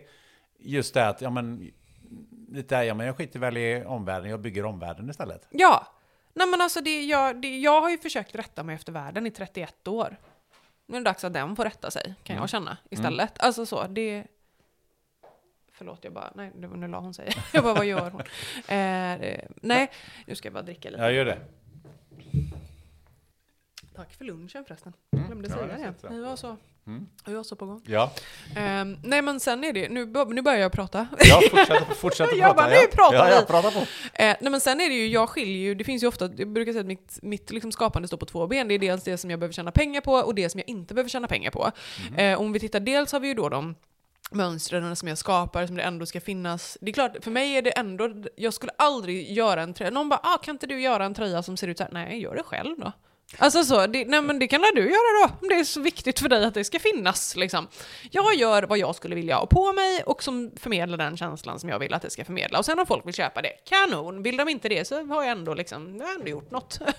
sen har jag, jag jobbar ju ofta liksom på någon gång om året eller liksom sådär, så gör jag ju mer regelrätta konstprojekt som är, kräver högre arbetsinsats, eh, mer resurser, eh, inte ute efter att tjäna pengar egentligen, utan det är egentligen bara ur rent, ja men, PR känns fel också. Jag gjorde ju en kappa här för ett, års, ett och ett halvt år sedan ungefär. Eh, det var ju en det, som, som behandlade just mycket av mitt mående då, och det var ju inte en PR-grej i sig, det blev en PR-grej för att den fick så mycket uppmärksamhet, men för mig var det mer så här, det här är inte någonting som jag måste kränga produkt till liksom, utan det här är mer så här, det här är viktigt för mig. Och så gör jag det. Eh, och, och att jag har de här grejerna och att jag delar upp mitt arbete på det sättet, det, det tror jag gör att jag aldrig blir trött på det heller. Liksom. Utan det är aldrig det här att oh, nu måste jag tjäna pengar, hur ska jag få in pengarna? Hur, hur liksom, eh, för att då kan jag dela, dela upp det lite i hjärnan. Som sagt, ena hjärnan och andra hjärnan. Men så. Apropå det här med eh, konstnärskap och konstnär. Eh, Jag såg ditt senaste inlägg på eh, Instagram, Instagram. Du tror jag du sa att eh, I'm a Rembrandt with a hook. Ja, A young Rembrandt Ja, with a hook. det- Vad, kan du utveckla det lite? det är faktiskt inte ett senaste inlägg, jag bara rättar dig där, utan det är bara att jag har lagt det högst i min profil, för det är den här kappan som jag gjorde. Så att det är rent tekniskt, tittar man på det så ser det ut nytt ut. Eh, nej men det är så här, jag tror att det är jätteviktigt på något sätt att folk bara så här, nu när det går så här bra för dig, så måste du väl vara nöjd och lycklig och liksom så. Eh, och, och, att på något sätt att, att vara en duktig konstnär eller, eller känna, säga, kunna säga att man är bra på det man gör, som att det är så här på något sätt eh, det utesluter att man också inte tycker om sig själv. Det, det använder jag ju mest så alltså i den bemärkelsen som du, eller det, det som du refererar till, eh, det är ju mer för att visa på de här motsatserna som finns. Och de finns i mig och jag tror att de finns i alla människor. Jag tror, att, jag, tror att det, jag tror inte alla sitter hemma i, eller liksom alla sitter hemma i sina stugor och bara oj jag tycker så bra om mig själv ja. Jag tycker att jag är kanon på allt. Jag tror inte att det är någon som, sitter, som ärligt med handen på hjärtat kan sitta och känna så, man inte är tyvärr helt dum i huvudet. Folk som inte borde känna så känner nog så dock, tror jag. De som är såhär, man bara du är en genomröten människa, varför sitter du här och är så nöjd?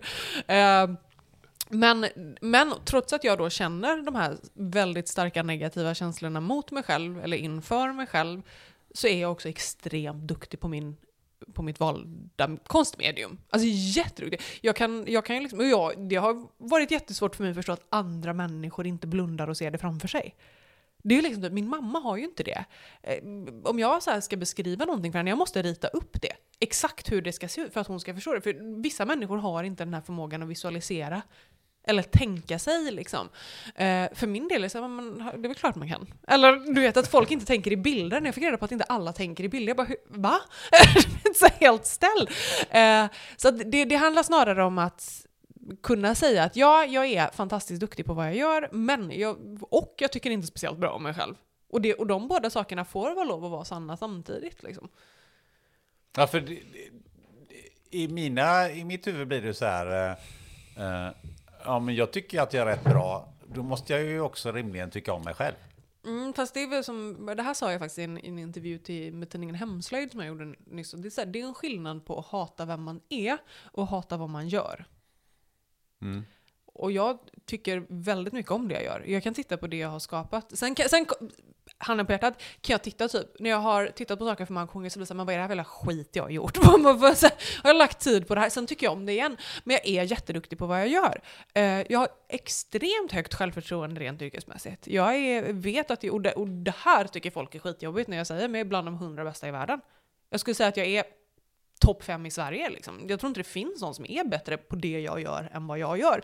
Eh, särskilt inte med den bredden som jag har. Och, och det, det är ju inte att sitta och säga så här, jag är mycket bättre än alla andra. Det är fakta. Tyvärr är det så. Det är liksom, ingen skulle ifrågasätta Zlatan om han satt och sa det, men bara för att jag har valt ett annat sätt att leva så är det liksom... Eh, Får man kalla det virkningen Zlatan? Ja, det kanske man kan Jag vet inte, Zlatan det är så himla... Eh, det var bara det första jag kom på. Eh, men ja, det kan man kanske göra, jag vet inte. Det, det är liksom, i alla fall inom den gren av virkningen som jag har riktat in mig på. Liksom. När du säger att, men, ja det är klart det är skillnad på vad man gör och, och vad man känner, eller vad du sa, men, mm. men samtidigt så är ju det du gör en sån väldigt stor del av den du är. Mm. Så är det. Eh, och, och det här kommer också vara en kontroversiell grej, och jag vill återigen upprepa att det handlar, det här menar jag inte att man inte ska ta ansvar för sitt mående och man kan inte skylla saker på hur man, hur man har det eller hur man har haft det. Eh, men jag hade inte varit så här duktig och så här liksom kunnat få utlopp för min kreativitet på det här sättet och kunna producera de sakerna om det inte var så att jag inte mådde så dåligt. Eh, för att att må så dåligt och ha svårt att relatera till andra människor har tvingat mig att bli bra på det här. Um, och jag menar inte på något sätt såhär, åh den plågade konstnären och nu ska vi sitta och lida för konsten. Det är inte det. Utan jag är bra på det här för att jag har mått dåligt. För det, det kan jag tänka mig att det är lite kontroversiellt för mm. att säga för att man ska bli bra, ja men då måste nej, men det, du lite och dåligt. Det är inte det, ja, men jag, jag bara säger ja, det som folk ja, tänker. Nej men och det var det jag menar med att jag säger så här, det handlar inte om att man ska liksom eh, inte ta ansvar för det. Och, och, hade jag fått välja, ska vi säga så här, hade jag fått välja, om vi hade kunnat gå tillbaka i tiden och så hade vi kunnat, så står man där framför en, en, en väg som delar sig i två, så här, här, den här vägen tar du och då blir du världens bästa på att virka men du kommer att må P. Eller så tar vi den här vägen där du kommer att vara lycklig. Du kommer, att, du kommer att vara själaglad varje dag. Ingenting kommer att vara jobbigt någonting. Allt, liksom, det kommer att regna manna från himlen. Ja, men du vet så här, det som jag hade, jag hade valt den vägen varje dag. Men nu är det inte så världen ser ut. Och jag är liksom, jag, jag, återigen, jag menar inte att det är för, för, att bli bra på någonting så måste man känna en viss liksom, sak så. Men, men i mitt fall var det så. Ja, för man kan ju vända på det och säga så här att ja, men jag är ju inte så bra på det här det jag gör, men det beror ju på att jag, är, att jag inte jag mår för gött. Ja, för jag mår för gött. ja, hur skönt är inte det liksom? Ja, men, men det finns ju någonting som, eh, som ligger i det du säger. Mm. Um, för det är ju samma sak som att säga så här att ja, men jag som barn var ganska mobbad. Mm det har blivit en kraft för mig att driva igenom saker och ting och slå pannbenet genom ja. väggen. Och att man Därför det hade inte... jag inte gjort annars. Nej, men, man, men, det är farligt inte... att säga det samtidigt. Ja, nej, men att man kanske inte bryr sig så mycket om vad andra säger nu. Liksom. Det är så här, mycket i mitt liv kan jag känna ofta så här, det värsta har ju redan hänt. Jag, kan, jag, är, jag är en väldigt, väldigt bra person att ha i kris.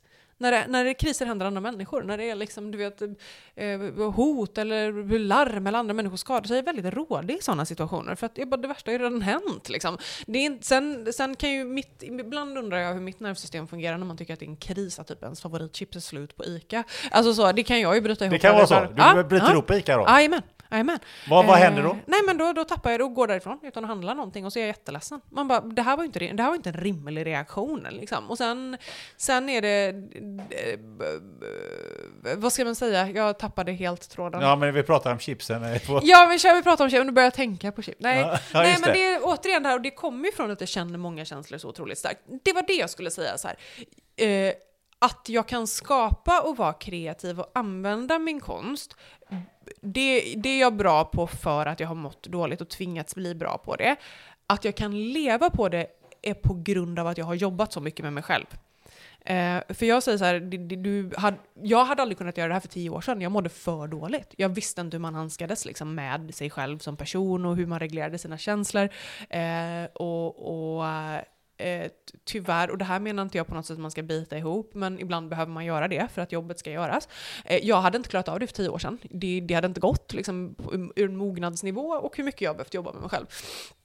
Eh, för jag tror att delen av det här som man kallar då att en psykisk ohälsa är en superkraft, det är ju vilka mekanismer man har lärt sig att använda och hur jag kan applicera dem eh, i, i, liksom, i mitt yrkesliv. För att jag är jätteduktig på att sätta gränser. För att det har jag tvingats göra hela livet, för att det här är inte okej okay för mig. Eh, när du säger så här så mår jag så här. Jag är jätteduktig på att sätta de gränserna, både privat och i yrkeslivet. Jag är jätteduktig på att säga nej. Jag tar aldrig på mig för mycket. Liksom. Jag gör bara det jag själv vill göra, för jag vet att annars mår jag dåligt. Eh, och, och, jag kan handskas med mig själv. Jag kan säga till mig själv att okej, okay, om vi bara gör det här, så, så liksom, jag kan ibland behandla mig själv som ett barn. Att säga så här, om vi bara gör det här så får du vila sen. Liksom. Jag, jag har mycket lättare, och det är ju det är ingenting som jag är född med. De, de funktionerna finns inte i mig. Hade de funnits med hade inte jag mått dåligt. Liksom. Utan det här är någonting som jag har behövt lära mig. Vilket gör att det är ganska, jag känner mig väldigt sällan utarbetad eller, eller överväldigad av mitt arbete. För att jag stoppar det i sin linda. Jag står inte där och tackat ja till hundra saker. Eh, och, och att, att också behövt jobba med att säga så här, jag vet mitt värde, jag är liksom inte en dålig människa att behöva jobba med det på grunden med sig själv. Eh, så kan jag också säga så här, när man, om folk inte vill betala det jag säger att jag ska ha så kan jag tacka nej. Det är inte så viktigt för mig att vara till lags på ett sätt som kanske folk som inte har mått som jag har mått eller behövt sätta de gränserna eh, som de inte kan göra. För att de har aldrig behövt reflektera liksom, kring att varför tackar jag ja till allting hela tiden? Och jag vet ju varför jag tackar ja till allting hela tiden. Hur gör jag för att sluta? Alltså så. Så det är det jag menar, jag tror att mycket av det som jag ser som min superkraft, nu återigen, jag får obehagsrysningar i hela kroppen att använda mig av det uttrycket, men i mitt företagande så är det all det, allt det jobb jag har behövt gå igenom med mig själv för att klara av och fungera som människa. Eh, det är också det som har gett mig en edge eller en fördel i liksom mitt yrkesliv. Jag blir ändå lite nyfiken när du säger att ja, det värsta har redan hänt. Vad menar du med det? Nej men, nej men allting som händer mig är ju det värsta som har hänt. Jag mår ju... Nej men alltså så här, alltså jag menar inte så, men känslomässigt, jag har lite svårt att, brukar säga dålig på att organisera och prioritera. Eh, och det gäller även mina känslor. Eh, det kan vara lika... känslomässigt, är det fel dag så kan det vara lika jobbigt för mig att chipsen är slut på ICA som att hunden bryter benet. Är det fel dag så är det liksom, det är det värsta som har hänt mig någonsin. I den sekunden så är det så, jag fattar ju själv, jag hör ju det själv. Och tittar jag på det så här, liksom en dag senare så fattar jag att det är ju inte, det är inte, rim, det är inte en rimlig reaktion. Eh, men men man har, det, hela tiden kan jag leva med känslan att jag har gått värre ronder. Liksom. Det är, jag vet inte hur bättre jag ska förklara det, eh, för jag är inte bekväm med att gå in på detaljer. Men, men... Um... Nej, det intressanta är ju bara, du säger att du, du har bott ihop med din man, eh, eller varit ihop med ja. din man i tio år. Ja. Hur reagerar han på det där? Han, är, han och jag är, är ganska olika. Uh, han är väldigt uh, lösningsfokuserad på, på, ett sätt som, han är väldigt organisatorisk på ett sätt som jag inte är. Eh, I många fall är jag mer organisatorisk i liksom, fysiska grejer. Jag är duktig på, här, det här är en låda för det liksom. Sen kan inte jag upprätthålla det, det går inte, men han är mycket bättre på att upprätthålla ordning.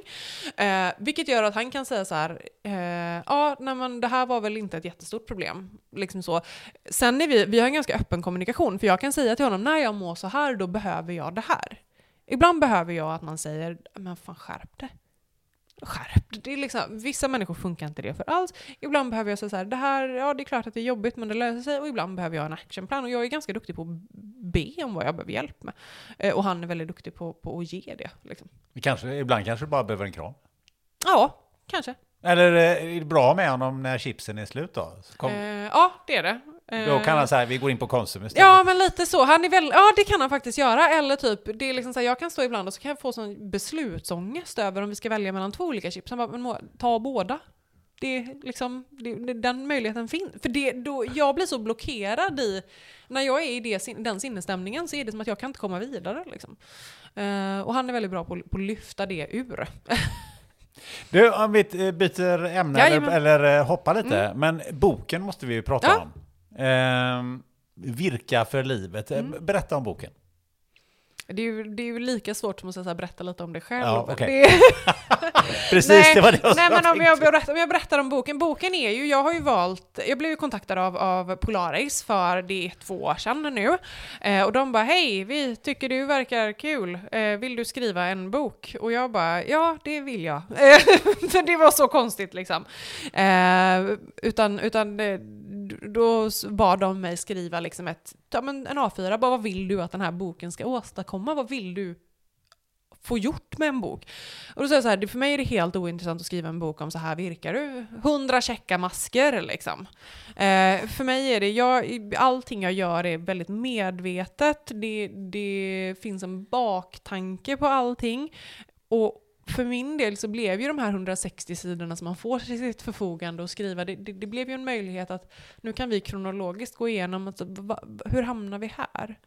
Hur, hur, blev, hur blev jag Honse? Vad, vad, vad hände? Vad har hänt på vägen? Så att vi börjar ju väldigt, vi, vi går ju igenom det kronologiskt och så gör vi nedstamp i mitt liv och, och helt plötsligt fick jag ju ett utrymme eh, där jag kunde berätta mer ingående om varje sak, var inspirationen kommer ifrån. Det är mycket personliga bilder med från mitt liv. Mamma och, och pappa har fått leta långt ner i arkiven kan jag säga från och jag har fått skanna och skicka in. Och, så att nästan alla, nästan alla mönster har liksom tillhörande bilder från, från när jag är fem, åtta, 10, 15, 23. Eh, så vi börjar med en klänning som, som är inspirerad av min mammas brudklänning när hon gifte sig med min pappa där innan jag är född. Och så går vi igenom liksom 30 år av liv egentligen eh, och slutar med en tröja som görs av alla restgarner. Eh, eller restgarner från projekt i boken för att visa på något sätt att här, man är summan av allting som har hänt en. Så att det, det har varit en jätteviktig process. Sen har det många tror att det ska vara väldigt jobbigt att prata om sig själv och sådär. Det kanske du har märkt när vi sitter här, jag har inte så ont av det. Jag tycker det är ganska, det är ganska gott, jag älskar ljudet av min egen röst. Eh, utan, utan för min del var det svårare att sålla vad, vad kommer en eventuell läsare tycka är för mycket. Ehm, för även om jag är öppen med hur jag har mått och, och eh, hur jag mår på, på daglig basis liksom, så, så, så vill jag inte att andra människor, människor ska titta och läsa boken och må dåligt själva. Jag vill inte det. det är, för min del är det så här, jag mår ju jag vet inte hur man ska separera det riktigt, men jag mår ju dåligt fast jag är glad. det, är, det är en ganska bra sätt att säga det på. Jag brukar säga oerhört komplicerad, men jag tar rätt enkelt på livet, jag tar ganska lätt på livet. Liksom. Um, och, och det är en dubbelhet som kanske kan vara svår att, att, att förmedla, men jag har ju valt att hantera eh, mitt skapande och i förlängningen då min skriva med en ganska stor dos humor. Visst, jag be behandlar tunga ämnen, men vi måste kunna garva åt det också, för annars blir det bara, annars får man ju sitta här och vara ledsen då till vägs ände. Och det vill jag bära med mig mycket i, i boken, att det här ska vara kul och det ska vara hoppfullt och det ska, vara, det ska kännas liksom som att de får följa med på en guidad tur genom mitt liv. Och, och det har ju varit fint och det har varit fult och allt däremellan. Liksom.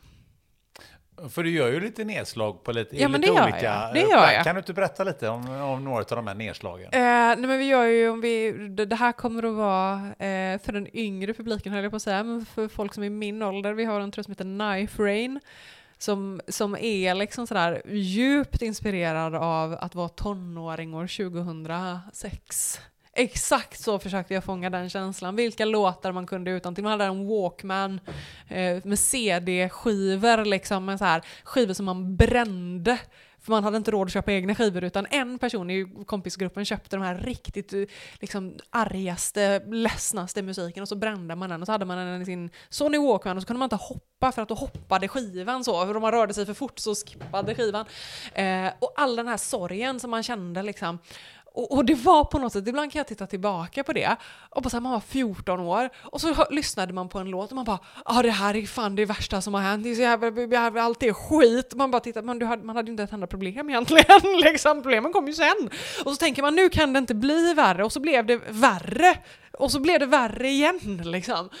Um, så, så det, det är mycket så, och den, den ser ju ut, eller inspirerad väldigt mycket av den, det modet som var på den tiden inom den subkulturen som jag rörde mig i. Det var, det var tungt och det var ledset och man skulle se annorlunda ut och, och, och, och det var liksom lite högstatus att, att liksom eh, kunna vara ledsnast typ. Det var, var det, lite, var det Kent och... Ja, och fast vä- värre höll jag på att säga. Jag lyssnar väldigt mycket på den musiken fortfarande, men det som kallas emo då, det var ju emo-core, kom det ju ett internetforum som hette, då var det bara likasinnade och man skulle inte vara en poser liksom. Det var, det var så andra saker som var så otroligt viktigt då.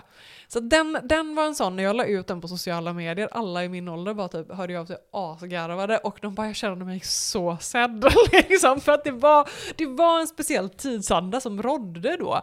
Och det är samma sak, vi har ett set som heter, eh, det är en set med en topp och en, och en kjol som heter OK Wow, eh, som är liksom, eh, hur, är det att vara 20 på 2010-talet? Eh, vilken musik spelades på klubbarna? Var, liksom, när kom man hem på morgonen? Hur mår man? Det är liksom, det var, så, så det är mycket Uh, ja, det, jag försöker fånga mycket känslor och det är som sagt, jag får lov att prata om det och jag har skrivit ganska fritt och, och, och öppet och sagt det här är kul liksom, eller det här är hemskt, eller det här var jobbigt, men nu är det, blir det i alla fall bättre. Uh, men man måste ju inte läsa det heller, man måste inte det. Man kan bara göra. Man kan bara göra kläderna och tycka att de är fina eller roliga, för då har man, man har ändå tagit del av det på något sätt. Jag måste fråga dig en Mm. nyfiken fråga. Det, det, det fanns ju en butik, jag vet inte om den finns kvar i Göteborg, som heter Chock. Jajamän, det finns kvar vet du. Det gör den va? Ja, det var, alltså jag minns att man vallfärdade ju dit liksom. Och, och vi åkte, jag är ju från Borås då, så man tog 100-bussen tog man till Göteborg och så gick man till Chock. Köpte sig en, jag vet inte, ett nitbälte. Ja, precis. Nej, det var ju- det, det var väldigt roligt för att eh, jag hade nämligen kontoret precis bredvid. Mm, mm. Reklambyrå. Ibland Ja. var det kö utanför. Det var något nytt släpp Men det var, det ju liksom, det var ju ett tag då det var det enda stället i Sverige du kunde köpa Dr. Martens på om du inte tog det till Sko-Uno i Stockholm liksom. Du vet, nu kan du gå in på Skorätt och köpa Dr. Martens, det kunde du ju inte då. Det var ju liksom, det var, oh, det var ju, det var ju med modkängor liksom. Det var ju så här, alltså det var liksom det tuffaste man kunde ha. Nej, det var, det, det, men det var en så oerhört speciell tidsanda och jag är väldigt tacksam att det inte fanns kameramobiler på den tiden. Finns det någon mer eh, klädnedslag som, eh, som vi kan göra här? Eh, ja, eh, gud, nu bara det står helt still för det känns som att jag pratar så mycket om de här nu så att jag har tappat det. Ehm, nej men om, om vi... Du har ju någon kofta där på på Ja, väggen. det är, det är eh, Crawford Court heter den. Det är en, eh, en tröja som är, den är döpt. Jag bodde på en, en liten, eh, vad heter det på svenska, återvändsgata tror jag det heter, en cul-de-sac. Eh, när jag bodde mina, mina veckor i USA då jag var, bodde hos en värdfamilj där. Och då var jag 17 när jag var iväg. Och, och det var på något sätt första gången som jag inte har känt mig som att jag är i vägen eller otymplig som person. Liksom. I och med- Vi har pratat mycket om de här stora känslorna, att jag alltid känner väldigt mycket, jag tar också väldigt mycket plats. Det är liksom, ibland får jag säga åt mig själv att det är så här, nu får du, nu, pass the talking stick alltså. Det, det, nu har du tagit, du suger allt syre ur rummet när du kommer in där, ingen annan får plats. Vilket gör att man försöker liksom krympa sig själv och sådär. Men, men när jag väl kom dit, då var det helt plötsligt var det en hel kultur där alla var som jag. Det var så, det var så oerhört befriande. Så att jag ville skapa en, en tröja, och den är inte så inspirerad egentligen av hur jag klädde mig, utan där handlade det mer mycket om känslan. Eh, och, och om att på något sätt hitta sig själv så himla långt hemifrån. Och, och det är en kofta som bygger på att du, du måste göra aktiva val för hur den ska se ut. Det I många fall är det ju bara att du väljer hur lång eller kort någonting ska vara, eller hur liksom en, en färg ska vara, eller sådär. Det, det är ju eh, det fina med att skapa sina egna kläder, det är att man kan eh, göra dem lite mer egna. Eh, den här är så här, du måste välja hur ärmen ska se ut, för att du måste följa specifika instruktioner. Du kan få en vid ärm, eller en smal ärm, eller eh, en krage som står upp, eller en krage som liksom, eh, eh en skjortkrage. Så du måste göra aktiva val för att den ska bli din, precis som man ofta behöver göra i den åldern aktiva val för att bli en verklig människa. Det är ju på något sätt att, att jag, man hade inte kunnat betala med alla pengar i världen för att gå tillbaka till 16 igen. Det är liksom så här, man, jag var inte en verk... Jag fanns ju inte. Eller jag vet inte hur man ska förklara det riktigt, men... men nej, jag, på något sätt, det var en väldigt formativ del av livet som fick ta en ganska stor plats. Och det blev så tydligt för mig. På ett sätt som det kanske inte blev eh, för människor som inte har varit med om något så livsomvälvande som det faktiskt blev för mig. Den erfarenheten blev väldigt livsomvälvande. Liksom. Och jag har ju kontakt med mina vänner från den tiden och, och min värdfamilj som jag bodde hos och sådär också. Hade du Eh. några funderingar på att stanna eh, kvar där för att tänka liksom this is the place to be? Mm. Ehm, ja, det hade jag väl då. Det hade jag då. Sen har jag varit tillbaka en del och jobbat lite och sådär. Ehm, inte några längre stunder. Ehm, men, men det var väl, man, de- den tanken var väl lika allvarlig som alla andra tankar man hade när man var 17. Nu har du skrivit den här eh, boken. Mm. Den har precis eh, kommit ut. Ja, det beror på när det här sänds. Ja, men den har väl precis kommit Nej, ut? den kom på måndag. Ja, Ja. Då, då säger vi så här då. Eh, Du har ju skrivit en bok. Och den kom ju någon dag efter att vi släpper det här Ja, avsnittet. Mm. Det Eh, säger jag som är helt förvånad att Ja. boken ska släppas. Jag menade mer när det här avsnittet släpps. Att det är en nyhet för mig. När Ja, boken Du har, kommer. du, har, du har skrivit en bok. Va? Eh, eh, vem, vem är det som tror, du tror kommer att läsa den? Eller vem är det som ska läsa den? Jag hoppas ju att alla läser det. Det är självgott att tänka så. Eh, men det, det, den finaste liksom komplimangen jag har fått från de som har läst den hittills, jag har ju ändå jobbat med ett förlag och med redaktörer och sådär, att de har sagt att även folk som inte virkar kommer att ha en stor behållning av boken. Och det, det är typ den finaste komplimangen som jag kände att jag kunde få. För att det var så viktigt för mig att ja, det är en bok för alla som, som virkar, absolut. Eh, och för mina kunder och för de som följer mig på sociala medier och som, som på något sätt känner igen sig i mig eller känner sig sedda av mig. Eh, det är klart att det är viktigt att de läser den och får skapa utifrån den. Men jag tror också att det kan vara, kan vara bra att de som i, kanske har den här mossiga föreställningen om att det är som när jag berättar vad jag jobbar med och folk bara, ah, men min farmor virkade mycket. Jag bara, men nu är inte jag din farmor. Eh, nej men alltså så att de kanske också kan få läsa det här och förstå att det finns något, något mer i det liksom. Ja, jag kan Eh. verkligen eh, instämma. Jag har ju fått läsa Mm. någon så här förhandsex digitalt. Ja. Eh, och jag har inte, jag har inte detaljläst om alla maskor Nej, och nej. all virkning. Nej, det kan jag det erkänna. inte- det det, inte det kommer jag nog aldrig göra heller. Men, men jag kan bara instämma i det du, det du säger. Det är Eh, kul att höra. Du har ju också blivit publicerad i lite modemagasin och så vidare. Men det är väl lite, det, det är så konstigt att se tillbaka på det nu. Eh, för det var ganska tidigt, vi hade inte ens drivit Honse i ett år tror jag, eller liksom drivit det som företag ett år. Så var ju min, en, en design som jag hade gjort var med i kinesiska Vogue. Eh, och nu tittar jag tillbaka på det och det är liksom ingenting i vad som har hänt i mitt liv. Är inte det konstigt? Då var det det största som hade hänt liksom. Och nu bara, ja, det var en fin bild. Alltså det är så här, det är så här, livet har ju, det här har ju gått i sån, sån rasande fart. Sen är det ju tacksamt, jag är ju en haj liksom. Jag, det, stannar jag så dör jag. jag måste, det måste hända någonting hela tiden. Så att det är väl en förutsättning att livet eh, går så här fort för att jag ska tycka att det är bra liksom. Um, men du har inget emot att hamna där en gång till? Nej, absolut inte. Men det är aldrig målet. Och, och när man börjar lägga så här, mitt mål är att vara med här, eller få de här och uppmärksamma det här, då börjar man tumma, eller då börjar i alla fall jag tumma på min kreativa verksamhet. Då börjar jag tumma på det här som är viktigt, det här som jag vill skapa. Är det någon som ser det och uppmärksammar det är det skitkul, eh, men det är aldrig målet. Det blir samma då som att jag skulle skapa någonting bara för att sälja. Alltså, eller få in pengar. Eh, utan det, det handlar ju fortfarande om en, om en känsla. Liksom. Ja, för nu har du ju då eh, som sagt var skrivit en bok, du har varit med i, i Vogue, du har en butik, du har eh, 50 000 följare på Instagram. Snart i alla fall. Folk vallfärdar till Ja. butiken och så vidare. Eh, och du vill ju inte prata om vad, vad du har för planer framåt. Men någonstans så har jag ändå en känsla av att det, det finns lite drömmar. Ja men det är klart att det gör. Det är klart att det gör. Sen är det, sen är det ju liksom, de drömmarna skiljer ju sig från dag till dag. Sen är det, jag, jag tittar väldigt lite på så här vad, eh, om, vi, om vi tar en sån här sak, nu återkommer jag till det, men, men den här eh, amerikanska rapparen som jag har gjort ett samarbete nu, vi kommer att, att utveckla det samarbetet och fortsätta göra grejer ihop. Det var ju otänkbart bara för ett år sedan. Jag har ju varit ett av hans största fan liksom, och nu är vi jämlikar. Och det, för mig har det varit mycket att komma liksom komma till sans med, eller jag vet inte vad man ska använda för uttryck, men bara landa i att jag är faktiskt jämlik med många som jag har sett upp till stora delar av mitt liv nu. Eh, och helt plötsligt med det så kommer det ju helt andra möjligheter. Uh, att jag kan få, för, för, mitt, jag vill ju bara göra saker som jag tycker är kul. Det låter, det vi, alla vill göra saker som de tycker är kul, men i mitt kreativa skapande, jag fattar alltså så länge man liksom betalar skatt och följer lagen så får jag lov att göra rätt mycket vad jag vill.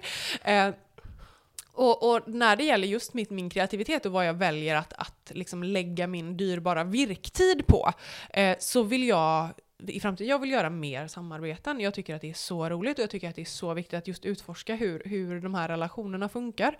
Eh, för som jag knyter tillbaka till det också, det här att jag tycker att det här är ett oerhört socialt hantverk.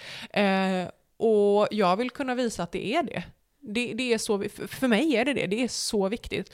Eh, jag skulle vilja, det är klart att det finns saker jag vill göra, liksom, men sen vet man ju inte om, om du ställer den frågan till mig idag, om det är samma svar om tre månader, det kan jag inte säga liksom. Det spelar ingen roll i det här nej, sammanhanget. Nej, alltså så, jag vet inte vad, jag vill så otroligt mycket. Jag skulle vilja resa, jag skulle, alltså med jobba, inte bara ut och, inte bara ut och se saker, utan att eh, få jobba i andra länder, alltså med, med mitt skapande då, inte flytta, utan kan, jag vill gärna åka hem igen. eh, Var skulle du åka då? Nej men nu är jag väl rätt sugen på Nordamerika.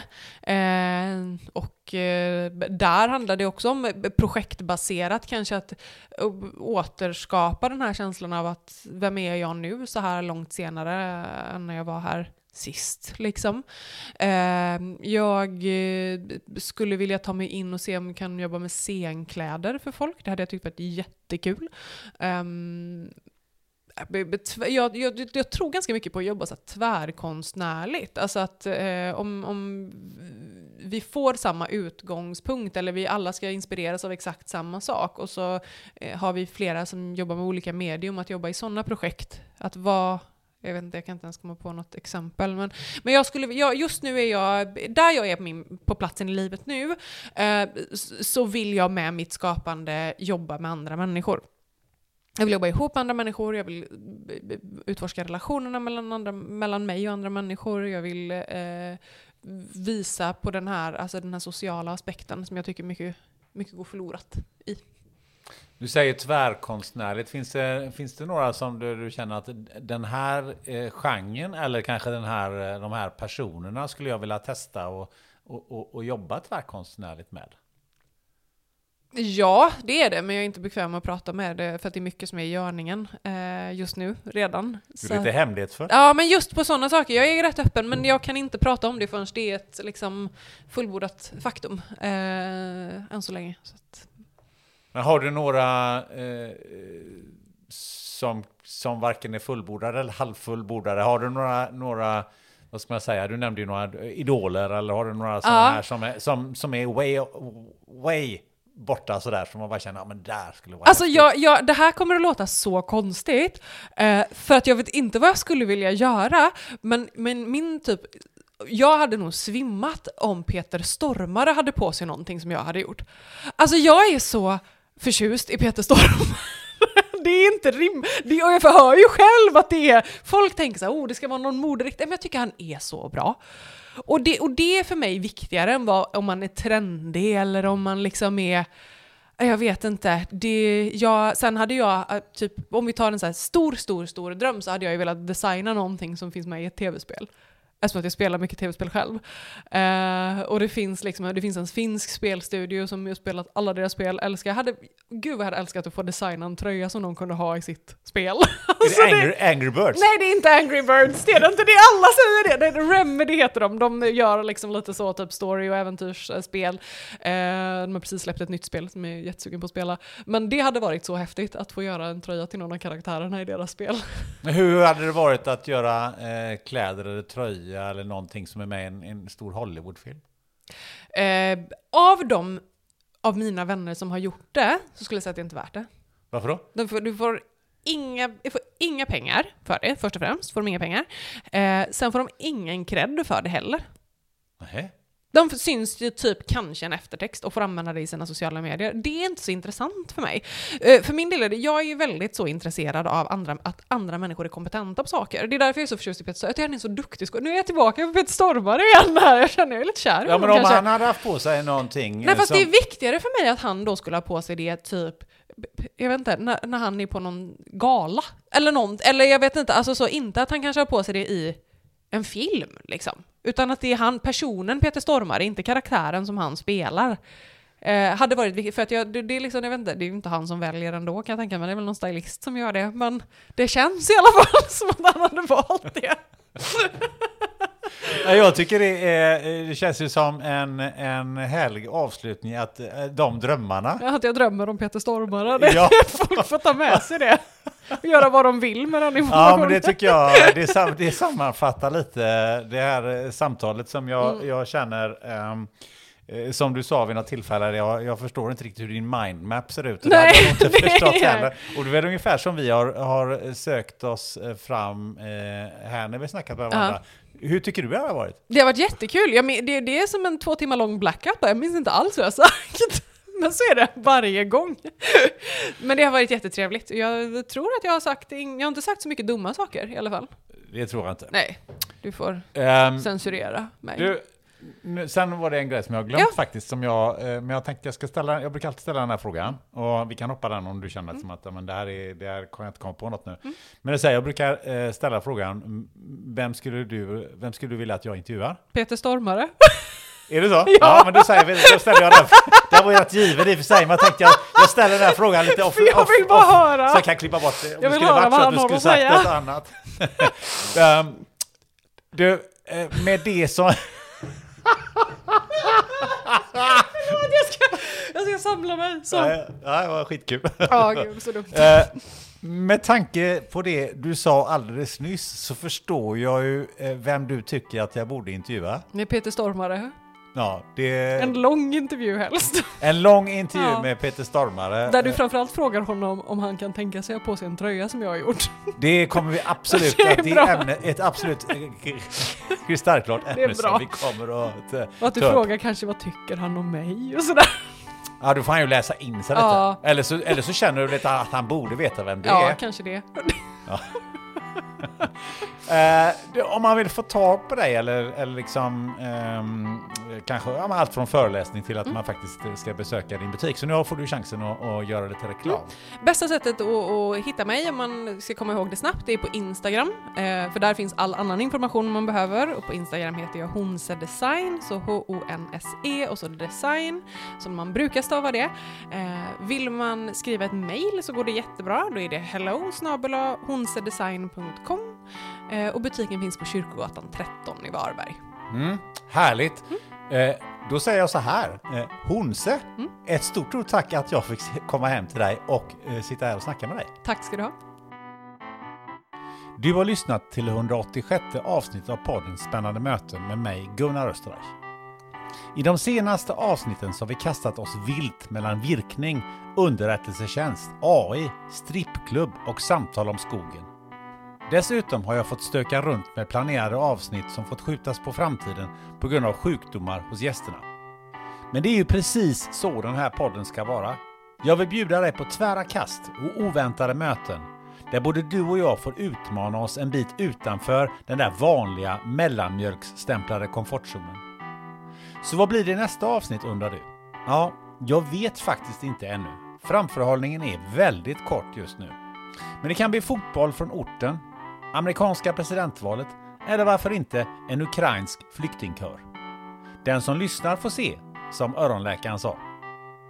Men tills dess så vet du vad du gör. Du sätter dig med en vän, du tar något gött att dricka och diskuterar vilket avsnitt i podden som varit det mest udda hittills.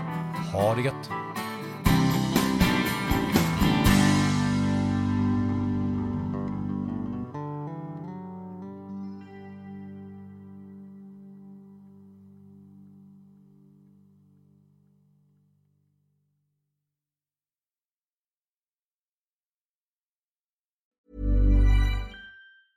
Hey, it's Danny Pellegrino from Everything Iconic. Ready to upgrade your style game without blowing your budget? Check out Quince. They've got all the good stuff shirts and polos, activewear, and fine leather goods, all at 50 to 80% less than other high end brands. And the best part? They're all about safe, ethical, and responsible manufacturing. Get that luxury vibe without the luxury price tag. Hit up quince.com slash upgrade for free shipping and 365 day returns on your next order. That's quince.com slash upgrade. Planning for your next trip? Elevate your travel style with Quince. Quince has all the jet setting essentials you'll want for your next getaway, like European linen, premium luggage options, buttery soft Italian leather bags, and so much more. And is all priced at 50 to 80% less than similar brands. Plus, Quince only works with factories that use safe and ethical manufacturing practices.